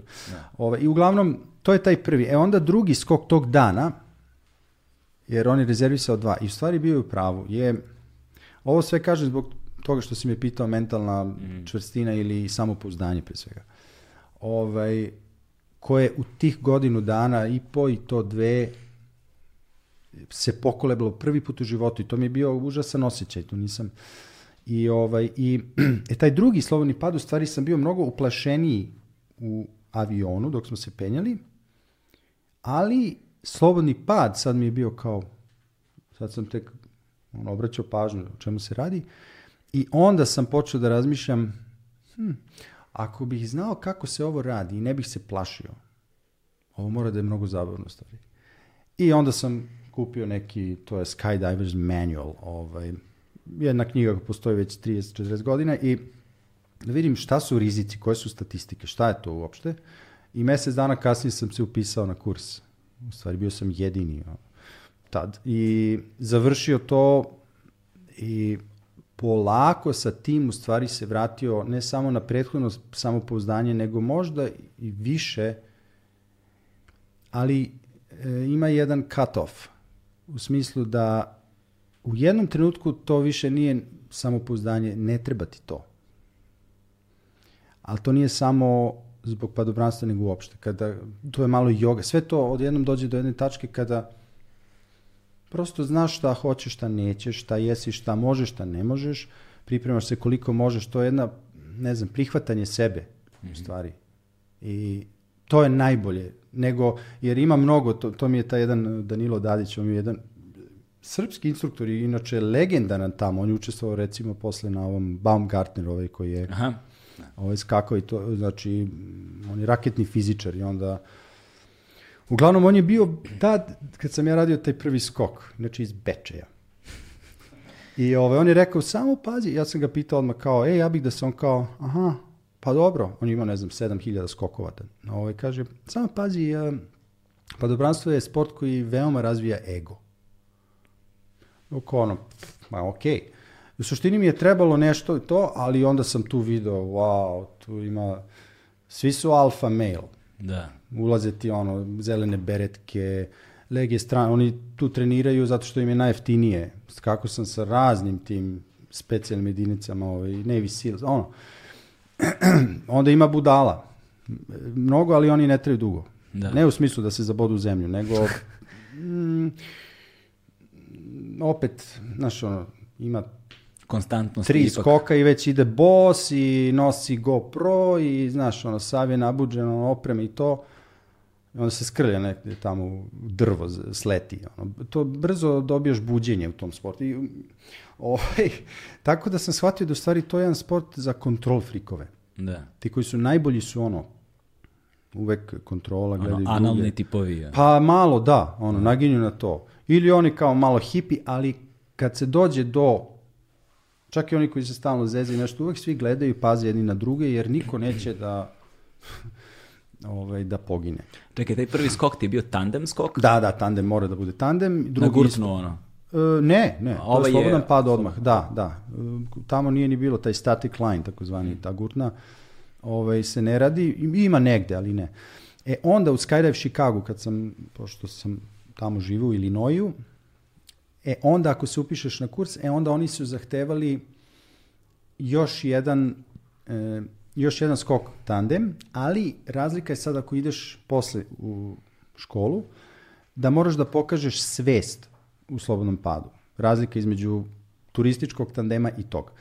I to znači da taj neki takozvani krug svesti, ti kažeš eh, horizont, altimetar i jump master. Znači horizon, uh, altimeter, jump master i on ti da pet, naučiš kao pet nekih signala za položaj tela.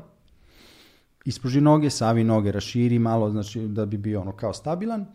I ti radiš to kad izađeš do, mislim da je bilo 6000 stopa u stvari. Malo više sve zbog tandema uvek je kao malo više vremena. Jer visina znači vreme koje imaš. Ovaj, i, I onda kada je 6000 stopa, e onda treba da gledaš, gledaš, gledaš altimetar i kad dođe na 5,5, wave, pull. To je ono što treba da uradiš. Ako možeš to, onda ideš na obuku. Mm -hmm. I onda imaš 7-8 sati teorije i posle već ide prvi samostalni skok. Sa instruktorom koji te drži, ali kad otvoriš padobran ti si sam i moraš da se spustiš, oni te navode sa radijom. Ali je to, da, i sećam se, taj prvi moj instruktor bio ovaj, bio u Rangerima, Army mm -hmm. On je, rekao se, ko ti je prvi, kao ja kažem, pa David. Kao, a, pa dobro, on je malo ono vojnički onako, ali je dobar. On je dobar čovek kao. Znači, taj me... Dobronameran. Da, ne znam ja ništa. najbolje. da, ne želi mi ništa taj. On me uopšte ono, gleda me onako bez uh, emocije. To je bilo, znači, sedno, seo sam tamo sam i on kaže, ok, a, pa dobranstvo je sport, samo da počnemo tako, dobranstvo je sport u kome možeš da uradiš sve kako treba, ali i dalje pogineš. to je prva, prva, prva rečenica. Rekao, ja kao ono, ok, hvala lepo, ono, ne, nije za me. I onda ja ga nešto pitam kao čekaj. Znači, bio je baš, ali sledećeg dana je bila jedna ovaj, um, e, iz Australije, jedna devojka i to lepo, ja, i ona mi je bila ono, ja, i ona je bila elegantna i sve. I tako sam počeo u stvari. I onda ti treba 25 skokova do dozvole, prve dozvole, mada prvih 13-14 sa instruktorom svaki skok ima neke zahteve, ono, te polako, postepeno pušta i tako, i onda zadnjih 8-9 skokova si sam, do dozvole i posle ideš i tako. Ovaj, a, slobodan pad ili kad otvoriš padobran? U, pa sve ima svoje. U početku je slobodan pad, jer padobran, daju ti ogroman padobran da bi bio što bezbedniji, onda kao da voziš kamion, on je malo onako. Ali što si bolji, iskusniji u stvari, ti E, si pod manjom kupolom. I u suštini statistički ima užasno malo incidenata. Na nekih 4,5 miliona skokova godišnje u Americi ima možda 16 fatalnosti, 18 zavisi od godine, a od tih 18, 17 je ispod funkcionalnog padobrana. Mm -hmm. Znači, sve je bilo ok, ali Ja vo, imam kupolu od 170 kvadratnih stopa, sad ne znam stvarno metrima, što je za moju težinu otprilike razmer 1 prema 1, znači jedan, jedna funta težine na jednu kvadratnu stopu opterećenja. I to manje više. To znači da je on negde na sredini, ali neki moje veličine, moje težine imaju padobno 90 kvadrat. To je kao peškir mali. Što on je veliki kao isto, to je neverovatno. E sad šta to znači? To znači da je on zategnut kao trkačka, kao Formula 1. Mm -hmm. Da ti kad pipneš, kad pipneš kontrole, on reaguje neverovatno brzo. I onda, znaš, ono, budu na, ne znam, 600-700 metara, onda ovako samo ga obori, pikira dole, onda ga ispravi pre zemlje, ide u zemlju ili uz jezero neko i to. I to je cool sve, ali šta god se desi isto tako brže. Ako imaš, ako meni se malo nešto zapetlja, pa mi se možda okreće ovako, ok, nije to centrifuga da umreš, ali sa njihovim padobrim, ako ti se, ako krene centrifuga, to se vrti toliko brzo da ne možeš više da uhvatiš ručicu da bi otkazao padobran. I ovaj, ili bilo koja malfunkcija je mnogo brža. E, i onda najveći uzrok u stvari smrti u padobranstvu je baš e, pre, e, zaokret pre blizu zemlji. Aha, aha. Zato što ti kad zaokreneš ne ideš samo u stranu, nego ideš i u dole i onda kad izvode te piruete, on ga kao zaokrene da bi ono išao što bliže zemlji, što brže, onda ga ispravi, ali ako ne kalkulišeš to dobro, ti udariš u zemlju od 150 na sat. Da. Ti si ponovo u slobodnom padu. I to je, znači, ta ista oprema zbog koje smo mi bezbedniji danas, koje je u stvari najveći uzrok. Ljudi guraju stalno granice i excitement. Kao pošto, znaš, skakanje s padobnom je dosadno. što kaže, što kaže Jim Carrey u filmu Maska kad spadne, kad se spljošti kaže pogledaj me mama u dve dimenzije. Tako da ja volim i jedno i drugo. I Imam dosta sati u onom tunelu, onaj wind tunnel, ako znaš. Aha, da, da. Isto imam nekih 10-11 sati sigurno unutra. Volim slobodan pad, free fly za oni koji znaju. Mhm. Ove, ali volim i padobran i nekad tražim ono da me puste gore, da iskočim. A tišina Ovaj, kad se otvori padobran. Ba divno je to. Ma, mislim, ja to radim iz poetičnih razloga. Mhm. Koliko to zvučalo čudno. Ali evo samo jedna da ne bih i ovome dužio. Um, osim što mi je stvarno pomoglo da vratim samopouzdanje da tako dođem na jedan drugi nivo samo spoznaje da eto. Ali i posle sa padobranstvom se odmaram u stvari od stresova joge, to je to tako, znaš, ono, moram da balansiram nešto. Ali bio je taj jedan skok, ako, kad me neko pita, ma kako to, zašto, znaš, zašto? Ovaj, pa, sumrak tog dana sam imao dosta skokova, ne znam, 12, 13 možda. I, U jednom danu. Da, rekord mi je 23 u jednom danu, ali to je, imao sam dva padobrana, pa sam maltene ono, iskočim, do, doskočim, skine padobran, uzem već spakovan i vraćam se gore. A onda posle pakuješ dva padobrana kad se Ma, pakuje mi neko drugi. Stvarno. O da, za 6 dolara. Prvo, ja drugo nisam znao sam da spakujem. To je priča, imam sa treninga priče. Ali čekaj, brate, ali tu ti je život u tom padobranu, neće valjda, znaš, Neću valjda ja da ga pakujem, pa Ma nisam ne, bio ne. dobar. Ma kako, Aha. ovaj čovjek pakuje ceo dan, svaki dan, znači on je mnogo bolji u tome nego ja. zamisli taj posao, ono, ali ako si se nešto izgubio fokus, malo smandrljao, br- brate, znaš, Pa ima par stvari koje ne bi trebalo pogrešiti, ovo drugo je ko veš, on, možeš da ga, da, da. nije strašno. ovaj, ali taj jedan skok, bio sam kao i umoran, već e, sumrak, zadnji skok i kao ok, šta ću sada da radim? Ništa. Kad izađem, leći ću na leđa, kao da ovako ovaj, letim i tako ću samo da padam, skrstit ću noge i to je to. I ovaj, izašao sam i okrenuo se tako na leđa i u Kaliforniji opet taj Lake Elsinore, to je to je jedan tako nezapažen deo Kalifornije, ali ima tih drop zona, takozvanih tih padobranskih aerodroma koji su super jer uvek je najčešće lepo vreme tako. I onda sam prvo primetio, pošto je zalazak sunca, tu je i okean relativno blizu i tako da je taj sam vazduh bio bakaran, e, boje bakra. Bilo je toplo razmišljam kako ovo lepo miluje nekako u tom slovnom padu, prosto kao u zlatu nekom da, da, da ležiš na tome. Tu je, naravno, onda sam primetio taj sam zalazak sunca i uh, jezero, ima jedno jezero tu gde je bio odblesak sunca. Pomislio, Bože, kako je ovo lepo u stvari. I onda kad sam pogledao gore, već su se videle zvezde i mesec. Meni je to dovoljno. Ako treba da umreš, to je kao neki san, to, to ne može da se objasni, to može samo da se doživi na taj način i samo to je dovoljan razlog meni. Ta, taj jedan utisak koji ne može drugačije da se, da se doživi nego tako. Da rizikuješ u stvari na neki način život da bi imao životno iskustvo. Ali kao što je rekao jedan um, isto padobranac kaže pa ja mislim da imam veći strah da ne živim dovoljno nego što imam strah od smrti. Da, I to je kod mene isto tako. da.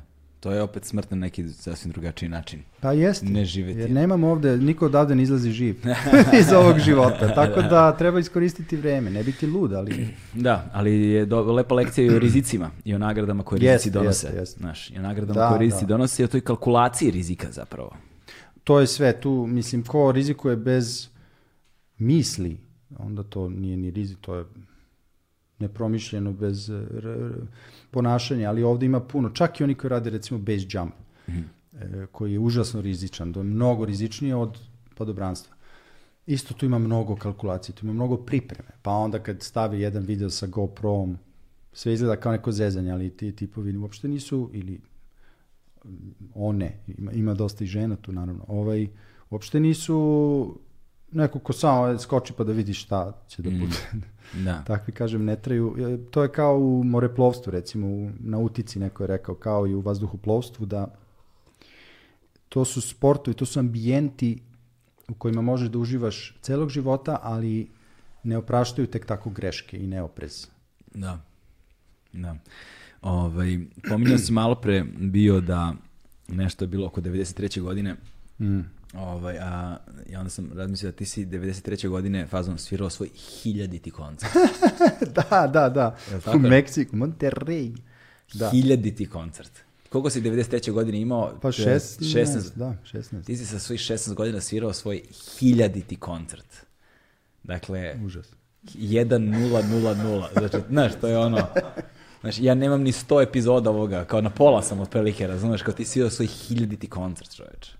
Pa mislim, ali kad bi sad radio ovo svaki treći dan, došao bi ti do... Pa ne, ni, za tri godine. Ma jeste, znam, nego, ali- sam, nego samo hoću kažem sa 16 godina, znaš, to, Da. je, to je ipak jedno životno iskustvo, jedno mm, iskustvo nastupa, ti si zapravo više bio na sceni nego bilo gde drugde, ono, u tom trenutku u svom životu. Pa jeste, mislim da, to definitivno se akumulira, sad nije svaki je- nastup ono dva sata, ne, neki su bili pet minuta, deset, ali to je javni nastup, znači hiljadu javnih nastupa, da. Da, hiljadu javnih, hiljadu, hiljadu javnih nastupa.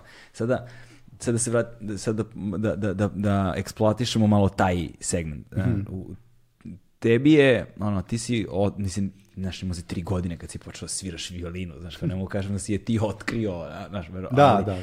ali, ovaj, ali u kom trenutku ti postaješ svestan da je to što ti radiš izuzetno?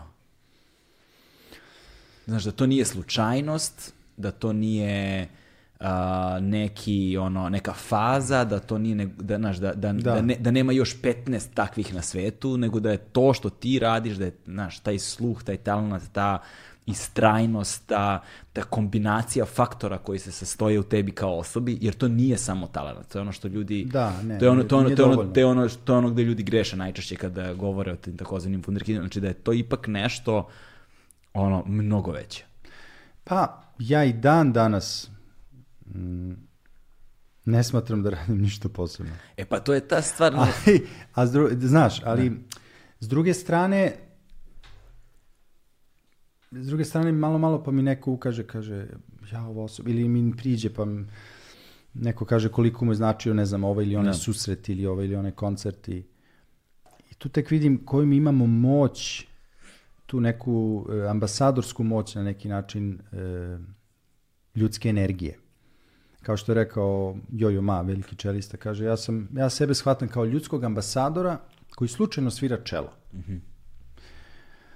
I, ali to je lako zaboraviti kad se mi udubimo u naš, e, znaš ono, kad vežbaš, vežbaš ne da bi sad samo inspirisao nekoga, nego često a, prosto se te zaokupi ono kako sviraš.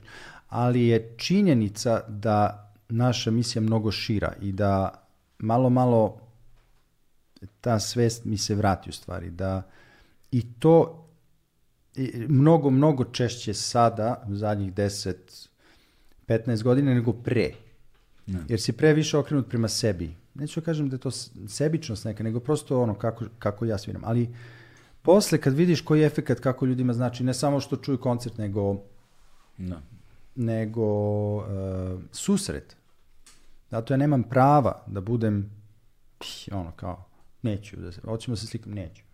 Ili neko mi dođe, ja, ja, ja kao, jer toj osobi to ostaje za ceo život, meni je to možda jedan sekund, ali ja nemam prava da budem negativan tu, jer to da. je isto deo moje misije. Ali, Tako da- ali tu je ono tu je ono gde nailazi ta stvar, znači nemaš pravo da budeš negativan, ali kao čovek si, znaš, i sigurno Pa imaš faze kada jesi, ali ti sad moraš da ograničiš svoje vreme tako da u određenim okolnostima sebi možeš da dozvoliš Da, da, pa jeste. da budeš ovakav i onakav, Jeste, znaš. jeste. A i opet se tad postavlja pitanje, tu je ono gde ono usamljenost sa početka dolazi. Da. Kome mogu da verujem? Znaš, dakle, jer nekako su to sve stvari koje se formiraju baš u tim godinama kada ti više, Da. ti, kada ti tad već nisi imao pravo na to. Da. Znaš, ti kažeš da, da ste vi svojevrsni ambasadori, a ti si bukvalno bio ambasador u to vreme. Ti si svirao u tada nastupao si zapravo uh, na, pred dva predsednika. Da. Ti si Pa i svirao... papi, ono kao to. Da, e, da, znači za, beše Ronald Reagan, Da, i Gorbačov. Gorbačov pre, pre, pre pada Berlinskog zida. Čovječe, to je bilo pre 89. jebote. Znaš, to je bilo pre 1900. Ja sam otkrio Mortal Kombat 89. Jebote, razumiješ, ti si svirao za Ronalda Reagana, Da, ti ono, pre Mortal Kombat i posle. Ono, Znaš, kao, BC, da. ACBC. Znaš, ti si svirao za Reagana kada? 88. 6. Ne. Kad je bio, kad je bio Reagan, kad je bio Gorbačov? Pa Gorbačov je sam 88. 11 ili 12. Tako da, 8 ili 9, baš tu negdje. Stvarno više ni ne znam. Kako, kako je izgledao taj trenutak, ono? Kao zovu te, mislim, roditelji ti kažu, e, slušaj sine, sad ćeš da sviraš pred predsjednikom Amerike, mislim, E, e, pa da sam bio onaj klinac što sam ga pomenuo ranije, ovaj, ja bi se verovatno, ne znam, sablaznuo. Da. Ali pošto nisam, onda i tu su me, mislim, psihologija je ogroman deo ovoga što mi radimo. I uopšte svakog ono, peak performansa, da tako kažem. Ovaj, kako pristupaš nekom meču ili koncertu i to. I onda treba da imaš očekivanja od sebe, ali istovremeno treba i ublaživati, ublažavati to. Ehm, tako da, sećam se, moj otac mi je rekao, ma da, on, mislim, on jeste predsjednik, ali ne bi ni niko od njih nije muzičar u stvari. Ti Neće čuti svoje. grešku. Pa Šta? da, kao da malo spusti um, taj pritisak i tako i onda sam ja tu tako kao ok. Ali da, sećam se, to je bilo, došli smo tamo i to je toliko obezbeđenja bilo za Regana konkretno. Ovaj, obezbeđenje u tom nekom muzeju koji su za Christmas show kao preobratili u Washingtonu. I dok smo Bela mi prošli... ili- Ne, to je muzej, ne znam da li ono prirodne istorije ili nečega, ogromna jedna hala gdje su onda stavili stolice, napravili to za taj show, ali to nije, nije bio studio, nije bila Bela kuća, nego ovaj, taj neki muzej. I tu su onda snimali. I uglavnom, prošli smo pet obezbeđenja, sve ono, psi ovde, ono, detektori, i dok smo ja i majka došli do garderobe, Gde su note? Ona je izgubila note, znači negde, na jednom od tih punktova od Ave Marije. To je bilo ono, we had one thing to do. Imali smo jedan zadatak, jedno delo i nemamo note. Da. Znaš, ono, iz Jugoslavije. I ovaj, i došli, ono, i nemamo... na- Ne, negde su se prosto, znaš, jesi stalno morao da skidaš nešto, predaješ šta. I onda sam ja izašao i sam, bez klavira, odsvirao tu Ave Mariju. Onako a kapela, to je mnogo čudno. I Regan, znaš, ono, mnogo čudno. I, ovaj, I posle kad smo slušali show, gledali show, naravno Amerion, Hollywood, oni su nas snimili klavir koji me A prati. nemoj da zajebava. Ali taj, ta osoba ne postoji u sali. da. Znači, toliko si tačno svirao da su oni mogli lagano da Pa manje više, on je mene pratio. Da, Znaš, da, ono, da. ja, Aha. ono, ali da, tako da kažem, ali to s jedne strane i iščekivanje, s druge strane, kao to i dalje koncert, ja i dalje, mm, ne znam, radim ono što, što sam pripremio, A bez pazi, obzira kome sluša. Ali pazi, to je pik, to je vrhunac hladnog rata. Znaš, to je Pa da, hladnog- to je već- Ti si nakon toga morao u Rusiju da Ništa, nastupiš. ja to nisam ni znao, ne znam šta je hladni Znaš, rat. da, ni- znaš, ono, Čuo sam, da. za, a, kako je u poređenju sa time bilo nastup za Gorbačova? Pa to je bilo ovde u Beogradu i to je kao njegova uh, službena poseta bila. Opet kaže, bio sam klinac i onda su i meni moji roditelji čuvali dosta od raznih nebuloza, ono, drugih, tako da ono, ja kao hladni rat ili skate to skate, Da. znaš, ono, uopšte. I, I onda je, da, e onda je kao predstavljanje naše zemlje, tada ja sam bio deo tog programa. I upoznao i njega. I obojica su bili, to su sekunde upoznavanja, susreta, jer to prolaziš prosto lepo, ono. Bio neki hor, folklor, nešto, onda sam ja odsvirao svoje, Ja. pozdravio se s čovekom, bio je prijateljski nahođen i tako, i papa isto, isto posle imao red koji tu da se vidi sa njim. I valjda najveći kompliment koji sam dobio je dok sam ja svirao da papa nije zaspao. Jovan Pavle. Da, inače on ono, to su, bude po dva sata program, tri čovek, stvarno. Ono, o- od, nije. od posta, znaš. kao, ne unosi dovoljno nutrijenata na konstantnom postu, znaš, ne može da se održi fokus, jebi ga. Pa da, pa da, ne, ono, jadno. Jovan Pavle II, tako? Da, da, da. Ovaj, dakle, imao si i tu, pri, i, i tu privilegiju, Da, barem da. u tom trenutku tada Pa na dva puta sam za njega, posle još nakon nekoliko godina opet. Mhm. Za njega sam svirao. Prosto, Ovaj, ali vidiš, um, u svemu tome nekako, znaš, uh, sad se vraćam opet, stalno se vraćam na to, ali kao novinski naslovi, znači ti, znači na, svuda si bio, razumeš? Znači, kaže Mekoli Kolkin, razumeš? Znači, svuda si jebeno bio po ceo dan. I, ovaj, I onda je, i onda, znaš, ono, u dnevniku koji postoji jedan dnevnik, razumeš, ono, u Da, da, dnevniku u Stefan- 7.30. 7.30, ono, ide laku noć, deco, dnevnik i Stefan Milenković, razumeš? A ja idem u krevet, on je u dnevniku, znaš. I'm I, sorry. ovaj, i, i, i stvar je, uh, znači, kako, ka- kako je s tvog ugla izgledalo, koliko su tebe uspevali da zaštite od uh, svega što se zapravo govorilo, od, od, od, od obima, Znaš, kako si ti sa svojim drugarima blejao, znaš, koliko je, koliko... Ništa ja nisam znao toga, nisam pratio, nisam u životu. Nije bilo interneta, sva sreća. Ma da, do nedavno nisam, ne bi, a i sad, ne bih pročitao sam svoj intervju. Da, Ne daj Bože da gledam svoj intervju na televiziji. Nije me interesovalo to. Niti sam bio nešto dobar u tome. da. Niti sam i dalje. Ali tad ono, moja mama kaže da, ti si tad odgovarao sa da i ne. I kako sviraš, svirati violina? Da. Je li ti nekad teško? Nije. No šta? I to je to. Moj domet. Da. I onda sam za 16, 17 kao, ok, moram da budem pametniji malo. Da. I just have to be smarter than what I am. I onda sam počeo da čitam i to stvari koje su mi prelazile većinom preko glave, ono Nietzsche, Kierkegaard, nešto što nisam ništa razumevao, ali kao da bih da bih malo masirao moj mozak u egzistenciju, da tako kažem, i pa sam malo ipak ovaj nešto E, a naučio sad, stvari. sad s druge strane, u klasici, uh, isto kao i u džezu, ovaj, isto kao i u ovom padobranstvu koji si pominjao, a, ego je ono, znaš, E, gadne stvari. gadna, gadna stvar vrlo. A i u jogi, odnosno, to je jedna od stvari od, od koje pokušavamo da se ne da oslobodimo potpuno, nego barem da prepoznamo kada iz nas govori ego, a ne stvarnost. Da. I Tako prateća stvar tom egu, elitizam. Elitizam je posebno akademski, Da, da, znaš, da. klasika, a ti si baš u ono u, u, u epicentru zapravo. Da. Juilliard, klasika, violina, znaš, to ipak kao tu je ka, kako, kako, si, kako si uspe, kako uspevaš i dalje, mislim, da se Da. očuvaš kroz sve te a, Nije to lako, da. Pošto je to jedan vrlo da. poseban, mislim, ne znam koliko ljudima jasno, ono, ali to je jedan vrlo poseban sloj ljudi. Pa jeste i nije i ne bi trebalo da bude. Ne bi stvarno. trebalo, da. Ali jeste, da, taj elitizam neki onda u jednom trenutku i klasika je postala takva da kao to predubeđenje, predrasuda da ti treba pet fakulteta da bi uopšte išao na koncert, e, kad se pljeska, kad se ne, e, da li znaš nešto o ovoj simfoniji, ne znam. Mo beži, ne bih, ja ne bih išao. Da. Kad te tako neko uplaši kao da, ali ti ne znaš ništa o muzici, onda ne bih ni ja išao. Tako da, ali sam bio deo toga, da tako kažem, jer prosto klasičan trening, onaj najklasičniji trening. I e, onda to malo, znači komunikacija sa publikom u Americi, pa onda razne organizacije i orkestri i festivali koji su počeli da gube publiku. Ti dođeš negde, recimo, sećam se u tom Memphis, Tennessee. On rekao bi čovjek Memphis.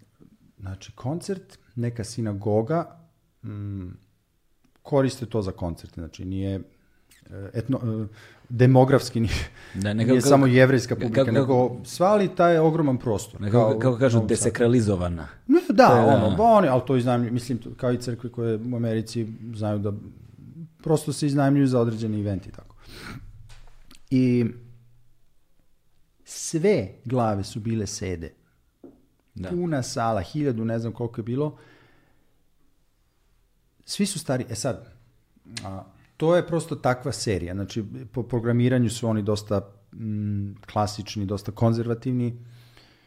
Ali mnoge, mnogi orkestri e, festivali to počeli su shvataju da gube i publiku, da, da prosto taj pristup, ne daj Bože, kao što se kod nas zvala, ozbiljna muzika.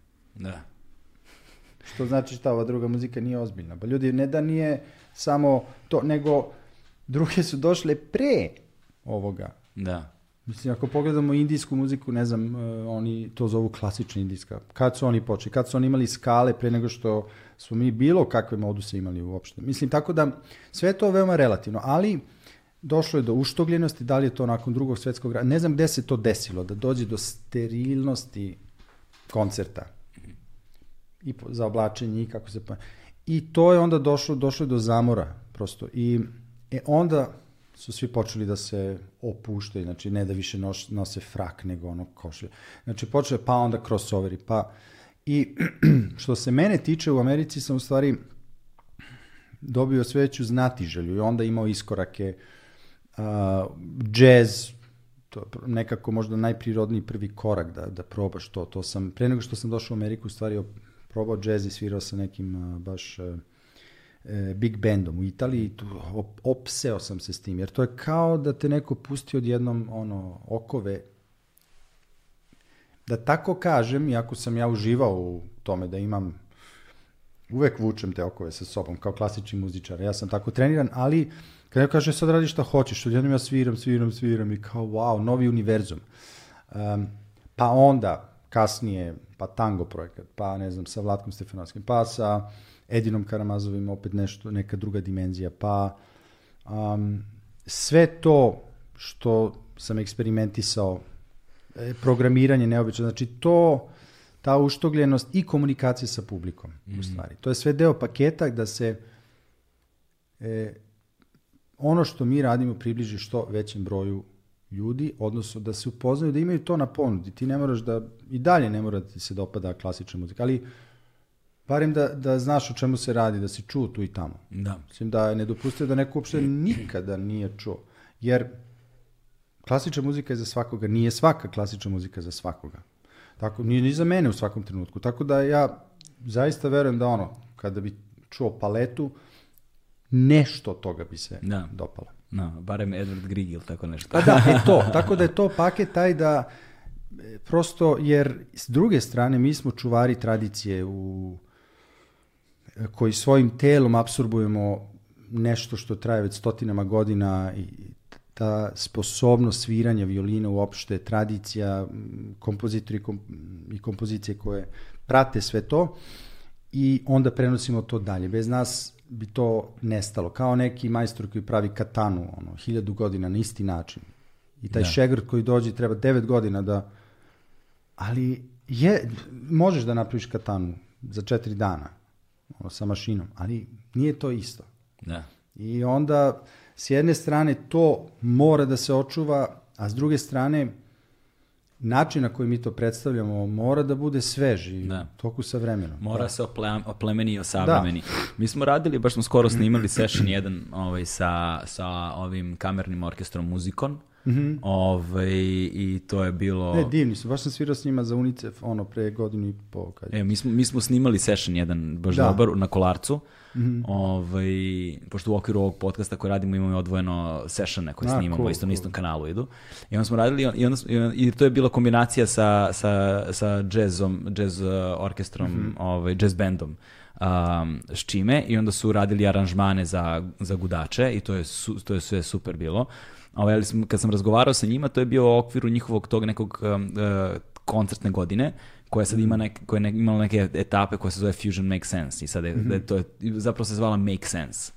Odnosno cool. kao ima smisla i onda je bilo Nature Make Sense, pa su svirali u Botaničkoj bašti, A. pa Fusion Make Sense, pa su svirali sa jazz bandom, pa je, i tako da, nekoliko koncerta. A, završili su godinu sa ovim koji smo, koji smo mi radili, a onda smo go, govorili o tom projektu koji oni rade, mm -hmm. koji se bavi destigmatizacijom klasike. Da. da zapravo postoje nova tupa, tumačenja, postoje nove interpretacije, postoje brojni elementi uh, unutar same klasike koji zapravo ono su se udaljili negde od opšte populacije, ne bi trebalo. I onda kao to vraćanje nazad negde publike, da. ali naj, najluđe od svega što se pokazuje da kada na, nađeš pravi pristup, publike zapravo ima.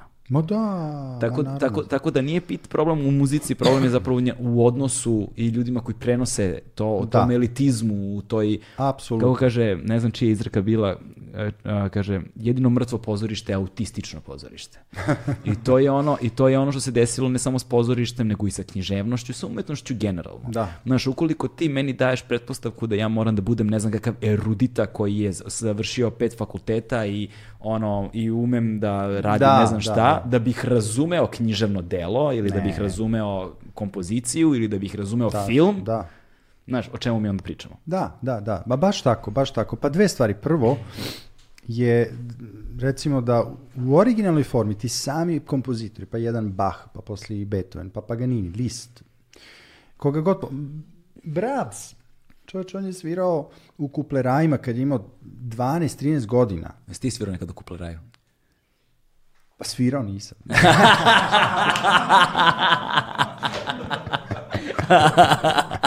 Užas. e, Da me vidi majka sam. U stvari žena. Ne, ma, ovaj, Što nisam, bi nisam, rekli, nisam siro- dotle Siro došao. kurcu. to mo. To je ono stra, naj, naj dno dna. ono.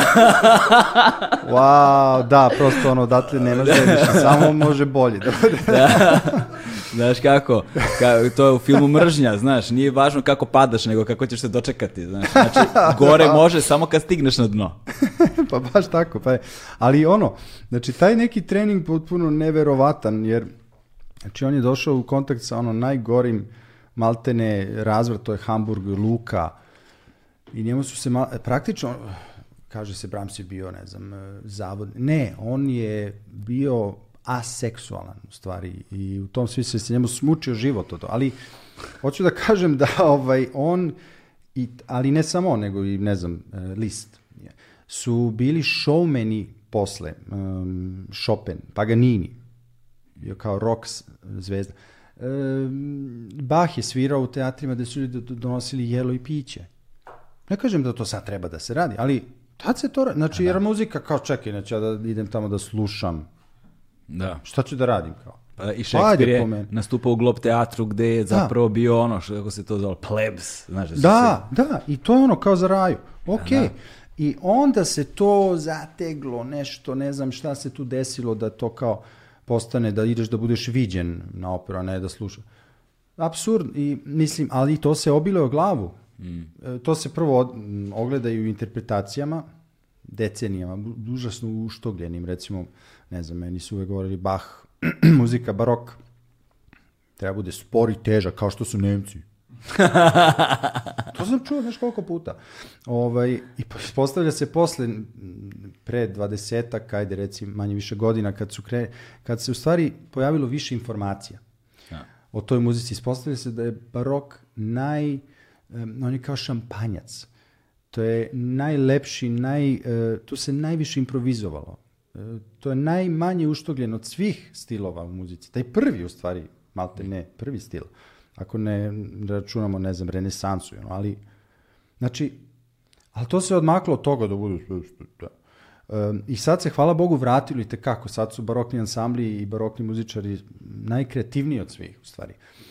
E, tako Fe, da... fantasy je to vratio prilično u Da, pop kulturu. Da, da, Final Fantasy. Da. Ovaj, ali, e, znači, to se sad vraća. Vraća se taj originalni način da mi zabavljamo ljude na jedan najbolji način koji mi znamo sa muzikom koja je kvalitetna i tako dalje, ali da nema te nepotrebne uštogljenosti, jer to se nikome ne dopada. To stvarno, ovaj, e, a s druge strane, to što si rekao, približiti samo način predstavljanja, Pre par godina sam imao priliku da odem a, da, na rezervat Navajo indijanaca u Americi, u Arizoni. E, New Mexico, u stvari Arizona.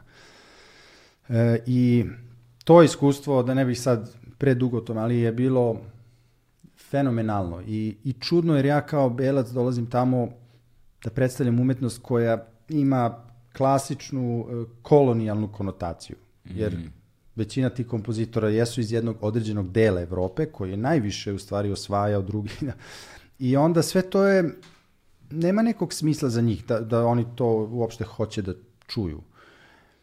Ali sam upoznao tu jednu od dvoje pijanista koji su klasično trenirani, e, koji su nativni u Americi. Doslovno ona i ima Connor Chi. Znači Renata Jazi i Connor Chi, to nema dalje.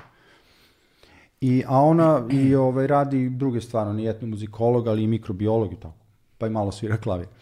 I, I onda smo mi otišli u sred, znači, Many Farms se zove to del- mesto koje ima 900 stanovnika i ta neka škola u sred pustinju, sred rezervata i došli su klinci um, Navaho, to mi je bio kao čas, ono, ajde, kao da slušamo sad.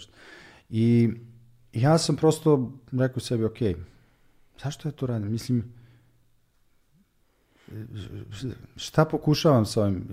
U stvari sam shvatio da ja prosto hoću da pokažem, jer sam uvek bio inspirisan indijancima. Da ono što ja znam o njima, u stvari iz filmova, literature, uvek sam bio inspirisan tim, ne, znaš ono, kao sloboda, pa e, povezano sa prirodom. Neke stvari koje jesu možda fiktivne, idealizovane, ali taj neki način. I hteo sam prosto da upoznam barem deo tih ljudi, da vidim, i da im pokažem šta ja to radim, makar to bili nešto što njima nije uopšte ovaj, blisko. Ali otvorenog srca, pa sad ko kako to primi, nema veze.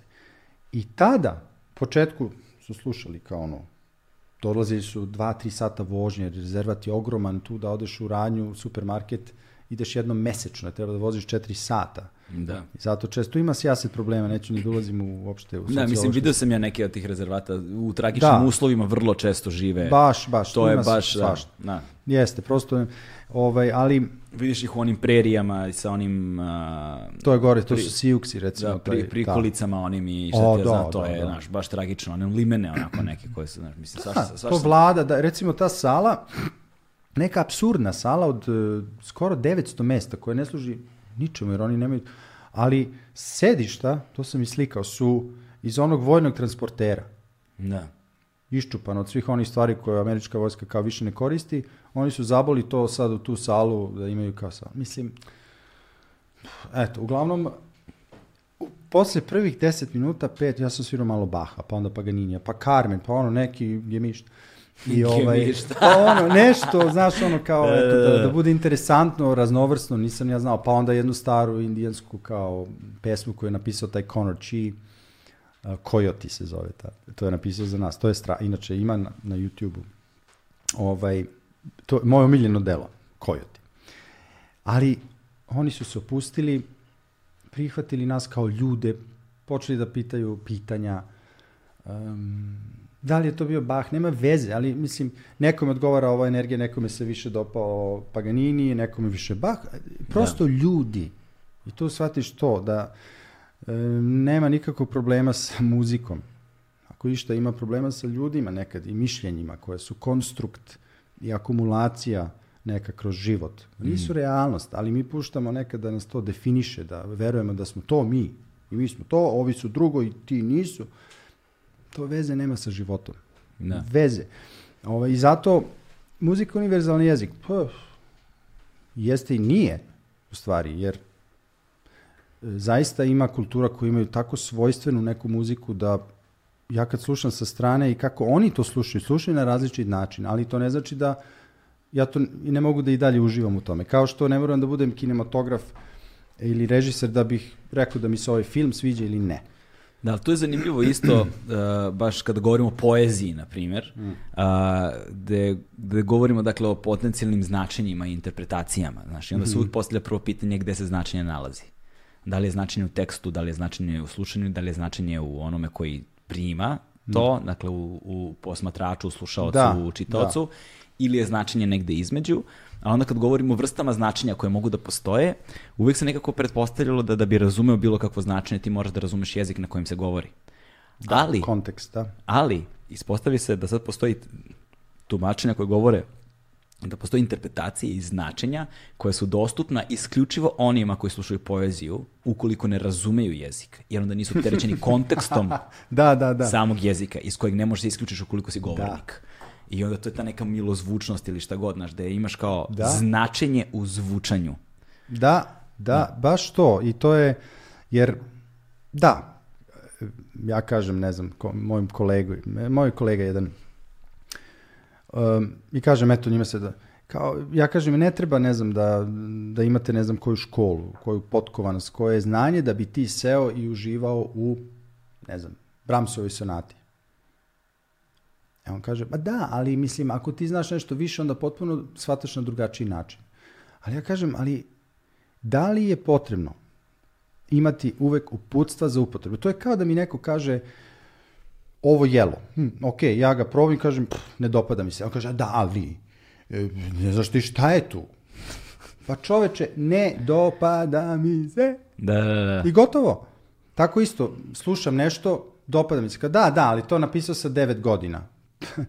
Ili, znaš, ono, obrnuto. Znači, to, to je toliko relativno da ja ne mogu da kažem da ima veću vrednost kada slušamo nešto informativno. To može da doda dubinu, sigurno, slušamo na drugi način, ali nekada mi skoro fali da čujem neko delo svež, znači da, da prosto ne znam mm. ništa to. I, i, I onda se pitam za neka dela koja sam hiljadu puta svirao ili čuo, kakav efekt to ima na mene, kakav bi imalo na mene da čujem prvi put, recimo. Da. Da li je to ista ta... Kao neka dela koja sam radio, recimo kad slušam prvi put, ne kapiram, ne čujem unutra detalje, prosto moj prvi utisak je prezasićenost jedna, recimo za neka dela. E, onda kad počnem da radim, sve mi se više i više dopada. Ali, koliko ljudi dođe na koncert ko će da se zagnjure u to delo toliko? Mm. Sad moje pitanje je to, sav taj radi i moj e, pogled iznutra, to ja ne mogu da objasnim nekome tek tako da on bi drugačije slušao. Tako se, ja, tako se ja osjećam kada govorim o black metalu. da li je kao, ali vi ne razumete? Znaš, kada, kada pus- pustiš ljudima i onda ljudi dobiju ono prezasićenost, razumeš, buku. Ovaj, ali onda Koje kada... su grupe Black Metal? Ja sam slušao ono prvo Anthrax, pa onda Morbid Angel, sećam se, i onda Pantera, to mi je bilo omiljeno. Ali to nije Black Da, ne, ne, ne, ne, Burzum, uh, Gorgorot su ti ono neki od najpoznatijih, Oh my recimo, God. znaš. Da. Morat ću operem ruke sad. Ovaj, e sada, da, pom, kad pominješ već Panteru i Morbid Angel si pomenuo tako, da jesi slušao Death. Da. Ovaj, nego, To nego, sa pet, 16. ajde. ovaj, a, dakle, ti si s jedne strane a, odrastao paralelno i bio ono svetski poznat paralelno sa, sa brojnim pop kulturnim fenomenima koji su u tom trenutku u svetu isto bili veliki. Sad ne znam da li si se sretao sa nekim od njih, ono, ne znam, od Nirvane do, ono, do Tupaka, znaš, kao. Nisam, nisam Znaš. ja njima bio interesantan sigurno. Da, Ali ja sam uh, u jednom trenutku u stvari jedan prvi veći tako kao Mhm. neobičan projekat je bio sa Gorillaz. Aha, Koji ni, mislim, ne znam sad, oni jesu opet doneli nešto, recimo ti njihovi videi da. sa animacijom i tako, ali to je ono Gorillaz i tako, pa Oni su, posle- brate, huge, razumeš? Mislim, Da. oni su ogromni, oni su doneli jako puno toga. Oni su doneli Da. muzički mnogo, oni su doveli estetski mnogo, oni su doveli tehnološki. Da, da. Znaš, oni su imali revolucionarne stvari su oni radili. Jeste. Od hologramskih nastupa E. do građenja svojih karaktera i tako dalje. Da. Da, ti si sarađivao sa njima. E, Da, imali smo šest koncerata. Ja sam vodio kao, kao koncert majstor u stvari, vodio sam e, gudački orkestar sa Juillarda.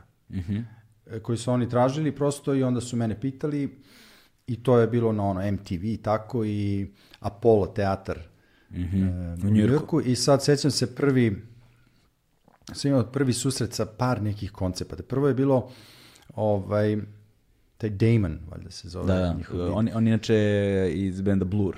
A, e, da, da, da.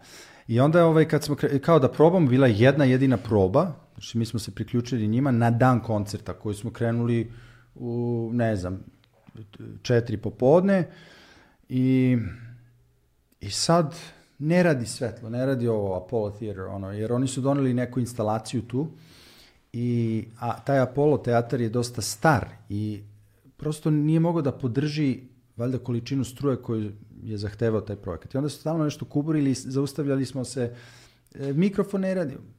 Ali smo došli do, ne znam, ostale dve pesme još i bilo je sedam sati, valjda, kao treba da prekinemo. I taj neki, aj, koji je došao, koji je inače bio iz Unije, koji je kao tu da štiti muzičare. Da se Unije bori čega? Unije muzičara. Pošto smo mi bili unajmljeni ono na sat. Nešto, nešto kao sokoji. E, ovde. tako da, znači to ti je ono zajednica, radna neka asocijacija koja štiti Prava. radnička prava, baš tako da, ono, samo muzički. Aha, kao baš sindikalna organizacija. Sindikalno, Aha, to je aha. 100%. I onda ovaj kao, mi smo unajmljeni za toliki broj sati, ja to nisam ni znao. Nisam znao koliko je to važno uopšte. Ali, ovaj, i sad 7.00, a mi još nismo dve pesme uopšte takli, a koncert je za dva sata. Hajde dve pesme, to prođe, 8 minuta idemo. Znaš, ono. I sad, i evo ti ga taj dolazi neki mali, da mi se zamerio za uvek. Ali hvala Bogu nisam ga posle nikad više video u životu. Ali ono kao, mm, nažalost mi moramo da prekinemo thank you so much. A bio je tako fake, ono. Kao hvala svima puno i, ovaj, i, i zaista cenim to što radite, ali nažalost nama je isteklo vreme. Mi se gledamo kao, čekaj, pa MTV je večeras, kako mi možemo da, Da. sviramo, nismo uopšte videli dva dela. I pitaju, i evo prilazi Damon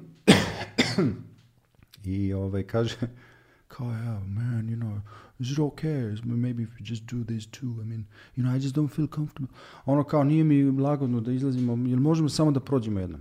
Ja kažem, brate, što se mene tiče, možemo da sedimo ovde do koncerta i nastavljamo dalje. Mislim, to je najvažnije. Da. Ono, tri minuta ekstra, pa šta? Odsvira smo mi to. I ono mene pitao, kao da se ja pitam. Stvari ja, ja sam rekao, ok, i svi smo ostali tu. Evo ti prilazi taj iz te unije neke, ovaj, posle. I počinje se reče kako me to iz, zapanjilo, iznerviralo. Kaže, Stefane, ja stvarno cenim tvoju energiju, ali mi ne smemo da prelazimo jer oni su plaćeni, sada to nama kreira mnoge probleme. Ja kažem, brate, znaš šta? Znaš šta će da kreira probleme? To kada krene prenos na MTV-u, a mi ne zvučimo dobro jer nismo probali tri minuta. Da. Kakvi su to problemi? Daj im ekstra 3 dolara ako je to problem. Mislim, stvarno nikad mi to nije palo na pamet da neko tako gleda muziku na, na sekundno. Ali, taj prvi koncert, sve to hologrami, znači sve to što su pripremili nije radilo uopšte. Zato što, kažem, ta instalacija je crkla, nešto je pregorelo u tom jadnom, legendarnom e, teatru. I, ovaj, I ceo koncert oni su bili kao u nekoj senci, nisu se videli i bili su videi neke, ali nije to bilo predviđeno uopšte, to je trebalo da bude mnogo bogatije. I, ovaj, I New York Times kritika za taj prvi koncert, najvažniji je bila katastrofalna, znači rasturili su ih. Čoveče, vreme, vreme kada, kada je kritika imala vrednost. Da, tad je to nešto značilo, sad imaš kritiku za sve i svašta. E to, e, ali recimo grupa Queen, to mi je ono, uvek, uvek se vratim grupi Queen. Onda, da, pre toga Pantera, to, tu sam se palio na Panteru jedno vreme. Grupa Queen i posle razne druge stvari, ono kao, ali nisam do, do, dolazio u, u taj neki dodir kao paralelno, jer prosto imao sam drugu putanju i nisam toliko ne eksperimentisao do neke tamo godine muzičke. Ovaj, što se kaže za tog člana sindikata koji je bio, znaš, ovaj, u glavi malog čoveka svaki je problem veliki. Mm. Znaš, to je ono, i to zvuči tako Da. tipično, sad, znaš, neću da kažem američki, ali u, Da. u američkom društvu i sistemu je to vrlo simptomatično postojanje U, da. takvih ovaj, udusa, to se i u Nemačkoj dosta često dešava, da ljudi ono, zbog jedne zapete ne vide celokupan tekst, znaš, nemaju... Da. I onda to, kao naš najveća, najveći, i, i, i to je jedan sistem organizovan tako da se zapravo peru ruke. Znači ja odradim svoje, prebacim odgovornost dalje i ja sam obavio svoje. Da, da. Nema, nema, nema sagledavanja stvari u celini, nego samo u, u onom uskom segmentu koja je tvoja delatnost. Jeste. To je Znaš. strašno, ali to je jednostavna egzistencija. To te, to te rasterećuje. Znaš, to je ono, ne bođe u Da. zdravstvenom sistemu, te tako onda ostavljaju da umreš na vratima ako nemaš ono... To znaš, sam isto znaš. iskusio, ne da umrem ja, Da. ali, ali sam iskusio baš to u Americi. Prvi put, 96. kada sam došao u Aspen na muzički festival i kada jedna devojka sred bela dana koja je došla tu kod nas sluša kao što mi nešto vežbamo i tako. E, Sećam se iz Engleske bila i to je festival od dva meseca, jedan od najvećih u Americi. Tu sam prvi put radio i sa tom profesorkom Dorothy Delay i tako dalje. Za e, Juilliarda. Da, da. I e, ona je ponudila tri varijante. Jedna je da dolazim kad go hoću na neke lekcije, druga je da dođem u Aspen, treća je da dođem na Juilliard. I sad Aspen je bio prva kao proba, tek da ja malo osetim i stil njen i uopšte Ameriku. I to je 96. i 97. sam onda odlučio da dođem na Juilliard. Tako da. Uglavnom, taj devojka... Izvini sekund sam, odlučio da, dođem na Juilliard. Znaš, to je ono... Pa, da, znam, ne, ne mislim ja... Mislim, da, raz, znaš šta mislim. da, da, ali u smislu, za, mi nemamo taj mentalitet. Recimo, Azija ima mnogo to da oni prosto idu u inostranstvo i preko okeana da studiraju, to je nekako normalnije, ali kod nas da se odvajaš od familije tek tako, nije baš, ne radi se tako često, ne znam ja. Ovaj, zato kažem, odlučili, Da. Ali taj ponuda postala, da. I Aspen. Pa da, i onda ta je devojka pala, imala je napad astme. I počela je da se guši tako i ja i ovaj jedan prijatelj, um, italijan rumun. Mi smo se spanđali, isto se zvao Stefan. I ovaj, mi kao ne znamo šta s njom da radimo, ono, ne može da udahne i leži na, na podu. I mi uzmemo za ruke i noge i znali smo da tu kao iznad tog kampa u Aspenu ovaj, e, da ima neka ambulanta. I mi odnesemo ovako, donesemo tamo, nema nikog. Mislim, izlazi jedan onaj kao, znači ambulanta i kao, kažemo, očigledno nešto s njom nije u redu. Ja ne znam šta je s njom, ne može da diše, nemamo onu, ne znam, onu mašinicu. e, Pumpicu, da. Pum, znači, pomozite joj. On kao, dobro, ili imate osiguranje? Kažem, koje osiguranje? Nikad čuo za to. On kao, pa zdravstveno osiguranje, kartica mi treba, ja ne mogu da je primim bez kartice. Ja kažem, ok, ne znam šta je to, mislim, kapiram konceptualno šta je to, ali da li možete prvo njoj da spasite život, pa ćemo onda o parama i osiguranju i karticama, jer ja ne znam, ona je studentu, ja sam, mi smo došli pre pet dana, nemam pojma uopšte. Da. On kao, pa ja ne mogu da regi... Ja kažem, brate, spašavaj život prvo, pa ćemo onda, siguran sam da to postoji. I to je moje prvo iskustvo bilo s tim sistemom. Um, Šta je bilo na kraju sa njome? O, uzeli su je, hvala Bogu, onda je tu već pročulo se, došla je ta neka koja je zadužena za studente kao Aha. i tako koja je imala, jer ti moraš da prijaviš unapred da li si alergičan za nešto, znači Ameri su tu užasno oprezni zbog Tužbi. Zbog tužbi. Jer ti ako nisi prijavio da, ne znam, ne smiješ kikiriki, to je problem. Da. Ali, Ali- ako jesi, znaš, onda se odgovor, sve tu, da. Kako ja, kako ja ljudima objašnjavam to ovde. A, tužba je američka verzija kafanske tuče. Znači, ukoliko smo se posvađali, nećemo se potući, nego ćemo se tužiti. To je ono, to je... Znaš, Je, ne, neverovatno. I onda, uglavnom, oni su je tu uzeli, naravno i to, ali to je taj, ovaj, taj sistem dosta brutalan u stvari. A, I ona je došla i sve je bilo okej na kraju i tako, ali... E sada Juilliard uh, me zanima kao tema odvojena.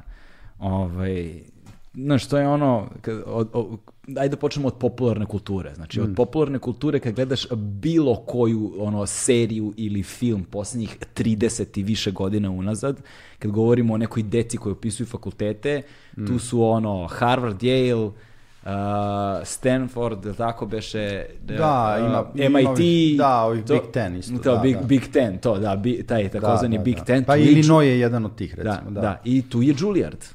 Umeđu, On nije Big Ten. nije Big Ten. Ne, on je ono kao, što se on vodi, ha, on se vodi kao, e, da, nije onaj klasičan američki koleđ, jer je to škola za dramu, operu, dance, music, Ali je, drama. poenta o tome da je Da. jedan od najprestižnijih To jeste, kada je da. to u pitanju na planeti. Da, možda da, i da, najprestižniji. Da, možda da, i da. najprestižniji. Ima Berklee College of Music, Pa ima, ali recimo ima još ekskluzivnija, to je Curtis. Mhm. E, Curtis, da tako kažem. To je u Filadelfiji i tu svako ko je primljen dobija automatski školarinu. Ali prime užasno mali broj. Tu je mali broj studenta, mali broj e, profesora i to je baš onako zatvoreno. Tako da to je možda još ekskluzivnija škola, ali Juilliard je onako, da, definitivno u tom delu sveta. i to je ono, u Americi kad pomeneš da si studirao na Juilliardu, fazon, sva su ti vrata Pa otvorena. jeste, užasno je kompetitivno. Da, u- e sad, kako, ka- kako je, ka- sad, za- zato te i pitam. Dakle, oslikaj mi tvoj boravak na Juilliardu. Ti si tamo proveo 10 godina, koliko si proveo? Pa jesam, prvo ono kad sam studirao, taj u stvari period kada sam e, studirao je bio slikoviti nego posle kada sam počeo da predajem na neki način. Jer, ovaj, taj, to je bilo upoznavanje i sa Amerikom i sa načinom života, sa rečnikom. Hey, how are you? I ja krenem da odgovaram, a oni samo prođu. Što mi, kao, hej, kako si? To je pozdrav, to nije pitanje. Da, da, da. To recimo isto nisam kapirao u početku. Baš ono, evropejac koji je došao u... I ovaj... e, Pa, ja sam se vratio onaj modus da sam tu došao po pozivu te profesorke i da ja to moram da opravdam. I onda sam opet vežbao 8 sati. Da, da, da. To znam. Kao. Jer nije bilo šanse da ja dođem nespreman na čas. Koliko vas je zapravo bilo u tim grupama? Pa nema grupe, to su individualni časovi. A individ, na Juilliardu su individualni Pa časovi? nisu svi, ali ja sam bio u programu takozvani professional studies. Znači nisam bio u onom, ne znam, četiri godine regularni studij ili master ili DMA, odnosno doktorat, nego to je jedan specijalni program za one koji su ka, već spremni za karijeru i neće da imaju previše e, časova teorije. Aha. Tako da sam ja imao časove violine, kamernu muziku i to sa tim legendarnim um, Felixom Galimirom tad, koji je vodio Marlboro i šta ja znam, to je ono čovek koji je svirao kamernu muziku sa Ravelom. I dalje živ. I onda, i, o, to je smešno bilo. Ovaj, to je bio mnogo smešan lik. Mnogo. I, ovaj, I, znači, kamerna muzika, violina i orkestar. Tu sam, to je drugi put u životu da sam svirao orkestru, recimo, isto ovaj, i tako. I, kažem, upoznavanje, onda tu sam video, recimo, ne znam, jedno grupisanje prirodno ljudi, dru, od, odjednom neko iz Srbije tu, još jedan je bio, samo jedan taj dečko koga sam upoznao, jedan čelista ovaj, na početku, pa Bugarin, pa Rusi, pa, pa Albanac, pa odjednom se nekako mi prirodno grupišemo i svoje partije radimo, ovi ne. I tako, uglavnom to je bilo to je bilo super vreme. Da. Super vreme. New York je tad bio isto drugačiji, recimo 42. ulice dole, taj centar Midtown, takozvani je u stvari to je već malo niže. Uh, tu se nije baš zalazilo tek tako. Je bilo dosta droge, to je bilo Sad neočišćeno. je sve gentrifikovano. Da, to je očišćeno sad. Sad je sve gentrifikovano, piješ uh, kafu iz šolje, uh, ono, iz one neke, znaš, vintage šolje, dok ti visi, viri ono crvena cigla ispod fasade i plaćaš je 30 dolara. Ma da, ne, pa da, je to se U čisti... industrijskoj zoni. Je, da, da, Da. pa jer nema mesta više. Sad prodaju čak, čuo sam, prava na vazduh. Drugim Šta? rečima, da, pravo na vazduh, ne onaj koji dišeš, nego gde se gradi. Zato što Manhattan, većina ljudi kaže ono, New York to je Manhattan, ali mislim. I nema više gde da se gradi. I onda ako neka zgrada, ne znam, ima samo 10 spratova ili 12, iznad nje bi mogao da gradiš. I sad se to prodaje, e, da ti možeš da nadogradiš još jedan oblakoter i da, da ga onako u visinu tu staviš. I prosto nema gde i taj grad je polude u tom smislu. Ali tad mi je to bilo divno vreme, te lekcije sa njom, e, mnogo tako stvari koje sam, koje sam upoznao e, kroz nju ona je bila velika, velika dama, e, užasno inteligentna žena, imala je smisla za, za biznis, ali pre svega je znala kako da prepozna ličnost odmah. E, I mislim da je to inače u pedagogiji jedan od, jedna od najvažnijih stvari. Da vidiš ne kako taj neko svira, to se do, veoma brzo vidi, čuje, nego ko je ta osoba, jer sve drugo zavisi od toga u stvari. Kakav ima karakter, e, narav, e, jer džabe da ti radiš na sviranju sa nekim sat vremena, što je fragment njihovog života u stvari. A da ne znaš da li taj ide i posle lumpuje ili ima, nema roditelja, ima probleme, nema, pro- znači sve to bitno da bi ti u tih sat vremena mogao zaista maksimalno da im pomogneš. Mm. Ali ako ti nemaš pojma, onda često nekome govoriš da se opusti dok svira. Pff, Ako ta inače ne spava dobro i ne zna da se opušta, Da. to je onda džabe. E, tu govorimo o ovim kontekstima koje si ti pominjao Da. malo pre te socijalne inteligencije, emocionalne inteligencije, međuljudskih odnosa, građenja tih Da, odnosa, da, da. razumevanja za nekoga koji je odrastao od svoje treće, četvrte, pete godine kao profesionalac, znaš, ti imaš, Da. četir, ti imaš 44 godine, 40 godina karijere. ti i Bora Čorba, ono. ne znam ni šta da kažem. Ali čovjek ima mnogo više kose od mene. Da. ovaj, ali ne, to je neverovatno, mislim, da. To... Pa, i tu onda me ona upoznala, u stvari, u početku, e, sećam se kako sam došao do predavanja, u stvari, da, da predajem.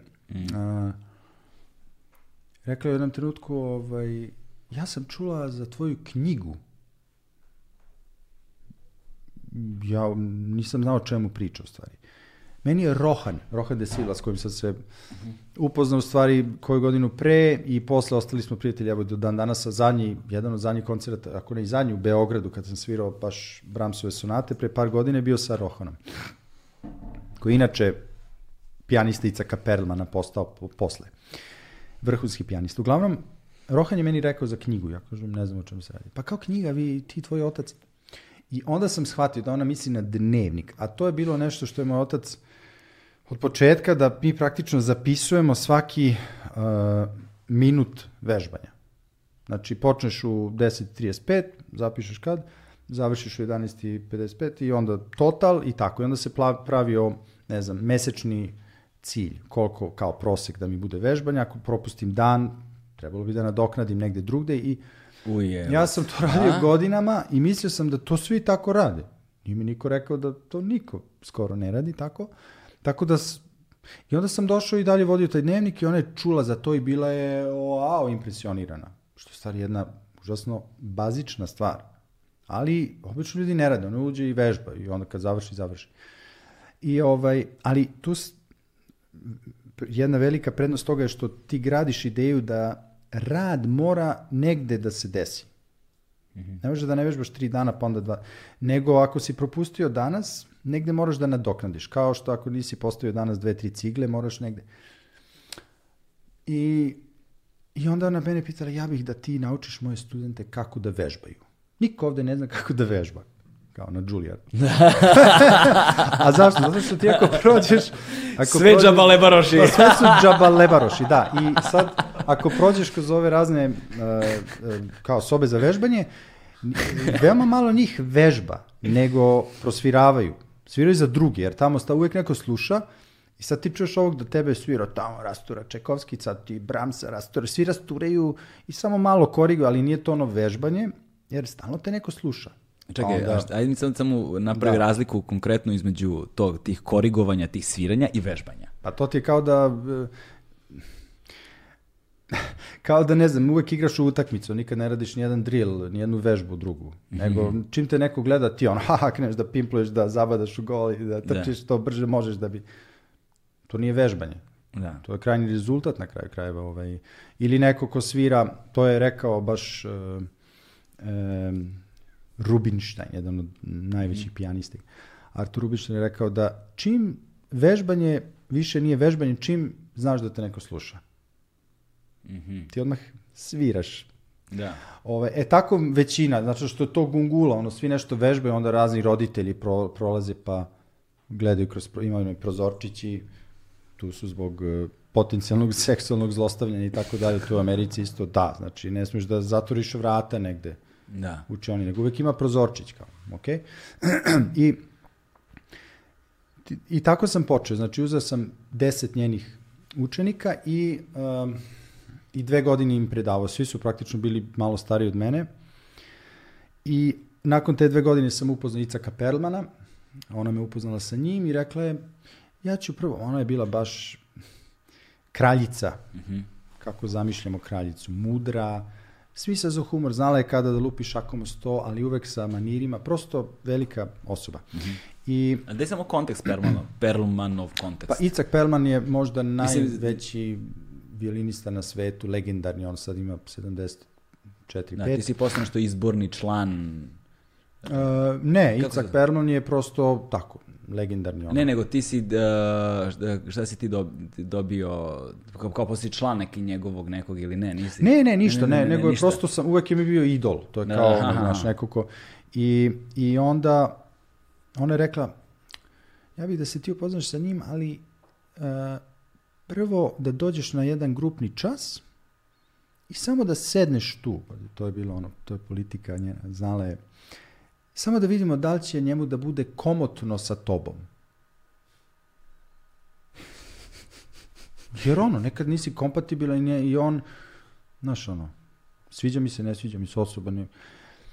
Uglavnom, seli smo i tako i ja mislim da mu je očigledno bilo komotno sa mnom. ovaj, I onda sam imao par lekcija sa njim.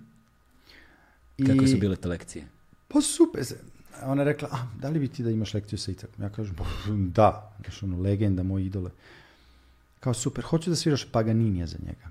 On će biti impresioniran. Zašto baš Paganini? Pa, zato što je težak. Baš težak. I valjda to njemu kao wow Paganini. Mislim njemu, on može da odsvira bilo šta, ali ja sam rekao ok. I onda sam dve nedelje vežbao, Paganini koncept broj 1 i svirao, odsviram prvi stav, završim, a on vanredno inteligentan on, čovek isto, kaže jel ti Dorothy Delay rekla da sviraš Paganini, jel da? ja kažem, jeste, jeste. Ka, znao sam, da. Uglavnom, on je čovek on ima, više zna viceva nego bilo ko na, na planeti, ja mislim. I on kaže, znaš šta, mi moramo da uradimo tako da ono što ti sviraš zvuči teže nego što jeste.